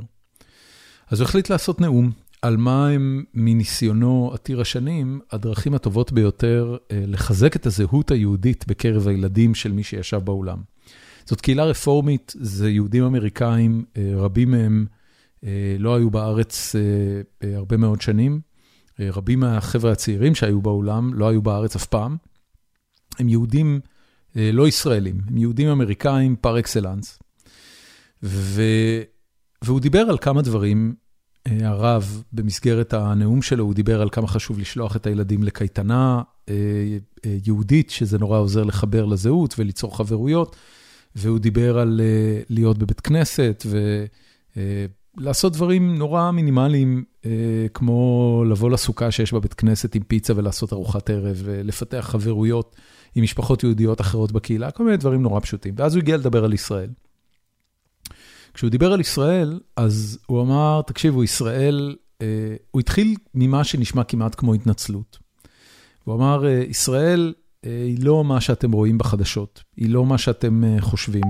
ישראל היא מדינה תוססת, ישראל היא מדינה מערבית, יש בה זכויות אדם, והוא מנה את שבחי ישראל בפני הנוכחים באולם. ואני ישבתי לי והקשבתי לנאום הזה, וחשבתי לעצמי שמעולם לא הייתי מודע כמו באותו רגע, לכמה מה שקורה עם ישראל אה, לא מחליק טוב בגרון של יהדות ארצות הברית. אה, ישראל אה, הייתה מקור לגאווה עבור אה, רוב אה, היהודים באמריקה, במהלך חלק לא מבוטל משנות קיומה. מדינה קטנה, מוקפת אויבים, נרטיב של מקום שבו לעם היהודי יהיה בית, ומלחמת ששת הימים, הגנרלים הגדולים שהגיעו משם, שהיו נערצים על ידי גם הימין וגם השמאל בארצות הברית. ואז לאט לאט, לאורך שנות ה-90, שנות האינתיפאדה, שנות ה-2000, שנות ה-2020, מדינת ישראל היא מצד אחד מעצמת הייטק, מצד שני, הקולות העיקריים שאתם תשמעו בארצות הברית, או הנסיבות העיקריות שבהן אתם תשמעו בארצות הברית על ישראל, הן נסיבות לא מחמיאות, פיגועים, הפצצות, טילים, תמונות נוראיות שמגיעות מעזה, תמונות עוד יותר נוראיות שמגיעות מהגדה, BDS מובמנט, ידה ידה ידה, ישראל, ישראל מדינת אפרטהייד, מפרה זכויות אדם וכולי. כישלון הסברתי טוטאלי שאין מה לעשות, הדבר הזה גם משפיע על יהודי ארצות הברית. נעצור פה ונעבור שלושה ימים קדימה. הלכתי להופעה של רוג'ר ווטרס. רוג'ר ווטרס, הסולן של להקת הפינק פלויד, אומן ומוזיקאי שאני מעריץ כבר המון המון שנים, וממש חיכיתי לראות את ההופעה שלו. ראיתי גם את ההופעה שלו שהייתה בארץ ב-2006, אם אני לא טועה, בנווה שלום, ושם הוא עוד לא היה BDS fanatic. הוא הפך במידה רבה להיות BDS פנאטיק בעקבות ההופעה הזאת. וההופעה של רוג'ר ווטרס, חוץ מזה שזו מוזיקה נהדרת, ולא צריך להגיד שום דבר על הפינק פלויד, היא מפגן פוליטי פציפיסטי ואנטי מלחמתי מקצה לקצה. הוא מטנף שם על כולם, הוא מטנף על, על פוטין, הוא מטנף על כל הדיקטטורים הגדולים של תקופתנו. הוא מטנף באופן מיוחד על נשיאי ארצות הברית. ותדמיינו לעצמכם את הסיטואציה הזאת, אולם מלא, 16-20 אלף איש, משהו בגודל של נוקיה וחצי, נוקיה וחצי, או, או איך שקוראים לנוקיה היום. מלא בטקסנים, שמחים, טובי לב, בומרים כמוני, שותים בירות, מקשיבים למוזיקה האהובה שלהם, ועל המסך, מכיוון שהווידאו ארט בהופעות של רוג'ר ווטרס הם, הם מן המפורסמות, אז מתנוססים להם באחד השירים, מתנוססים להם נשיאי ארצות הברית, רונלד רייגן, ואחרי זה ג'ורג' W. בוש ג'וניור, ואחרי זה אובמה, ואפילו ביידן קיבל שם איזה קאמאו קטן, כשליד השם שלהם כתוב War Criminal, ומספר האנשים שנהרגו על ידי כוחות הצבא האמריקאים ברחבי העולם בקדנציה שלהם כנשיאים. ואני ציפיתי לקריאות בוז אדירות מהקהל, לא היה שום דבר כזה. אנשים ישבו להם, מאזינים למוזיקה שהם אוהבים, רואים את נשיאי ארצות הברית מתנוססים עם הכיתוב War Criminal וכמות ההרוגים מתחת, מאות אלפי הרוגים. ולא מגיבים כמעט לעניין הזה. אני הרגשתי לא בנוח, ממש הרגשתי לא בנוח. הרגשתי עוד יותר לא בנוח כשבחלל ההופעה, פינק פלויד בהופעות שלהם היו מעיפים בלוני ענק, בעיקר בעקבות האלבום Animal, זה היה להם בלון של חזיר ענק והיה להם בלון של כבשה ענקית. אז היום הבלונים האלה הם בלונים מתנפחים שהם בעצם דרונס, הם מונעים על ידי שלט רחוק. ועל הבלון הענק בצורת חזיר שריחף לו מסביב לאולם, אולם ענקי, היה עליו את הלוגו של אלביט, החברה הישראלית אלביט. שזה קצת הצחיק אותי וזה היה קצת מטופש, אני מניח שרוב האנשים לא הבינו את הרפרנס, אבל היה כזה עוד משהו לטנף בו על הישראלים. ו... והשילוב של שני הדברים האלה, גם הדרשה של אותו רב, שאגב לא אמר שום דבר רע על ישראל, להפך, הוא רק עודד את האנשים לבקר בישראל ולתמוך בישראל ולהבין שהגורל של היהודים האמריקאים קשור בגורלה של ישראל, לא משנה מה, גרם לי להבין שרוב האמריקאים, מה שהם יודעים על ישראל, בגלל ה-15-20 שנה האחרונות, וואלה, לא מחמאה גדולה. זה מוטה, זה כמובן תלוי במחנה הפוליטי, ויש לזה המון ניואנסים, אני לא, אני לא רוצה להיכנס למלוא הדקויות של זה, אבל, אבל זה היה מעניין, וזה גרם לי לחשוב לא מעט על כמה זה, כמה זה קשה להסביר לאוכלוסייה שלא יודעת מה זה, מה לעזאזל קורה בארץ, איך ישראל אה, מנסה בכל כוחותיה גם לשמור על, ה, על השקט והביטחון של תושביה, וגם מצד שני, צריכה להתמודד עם כל הדבר הזה, שמה לעשות, הוא נקרא כיבוש. והוא לא מתקדם לפתרון, ויש יותר מדי גורמים מעורבים, גם מהצד הישראלי וגם מהצד הפלסטיני, ש... המשך הסכסוך מועיל להם כלכלית, מכל מיני סיבות, וזה מצב ממש מסריח, שבאמצע שלו תקועים האזרחים, שגם ככה יש להם מלא דברים להתעסק איתם כשהם במדינת ישראל. אבל הסיפור הזה של ישראל שמתקדמת להיות מדינת אפרטהייד, לא עוזר בכלל. ואז כמה ימים אחרי זה עשיתי את הפרק הזה, שעכשיו האזנתם לו עם רון כחליל, ובשיא הנונשלנט הוא אומר, הפתרון בעיניי הוא ברור, אנחנו צריכים להיות קונפדרציה ו, ו, ומדינה דו-לאומית, שזה משהו שמפחיד, מפחיד, מפחיד את, את כל מי שזוכר למה בכלל הקימו את מדינת ישראל. והפתרון לא נראה באופק לעניין הזה. זהו, אם אם אתם רוצים, אני כן ממליץ על זה, למרות שרוג'ר ווטרס הוא תומך BDS נלהב, וזה לא עושה את החיים קלים לאף אחד. הוא התארח יום לפני ההופעה שלו אצל ג'ו רוגן, אז לכו לפודקאסט של ג'ו רוגן, חפשו את הפרק עם רוג'ר ווטרס ותאזינו לו. הוא בסך הכל בן אדם מאוד רציני, למרות שהוא חי בסרט על ה... על המכתב שהוא שלח לפוטין ועל הציפייה שלו בתור אומן באמת תפוח מחשיבות עצמית, שמכתב שלו לפוטין משנה משהו, אבל אבל היה לי כיף להאזין לזה. אולי אני נוסטלגי, אולי זה בגלל פינק פלויד וזה. לא משנה. עד כאן החפירה שלי להפעם, תודה רבה שהאזנתם. מועדים לשמחה, סוכות שמח, you know, the whole thing. וזהו, ונתראה בפרק הבא. יאללה ביי.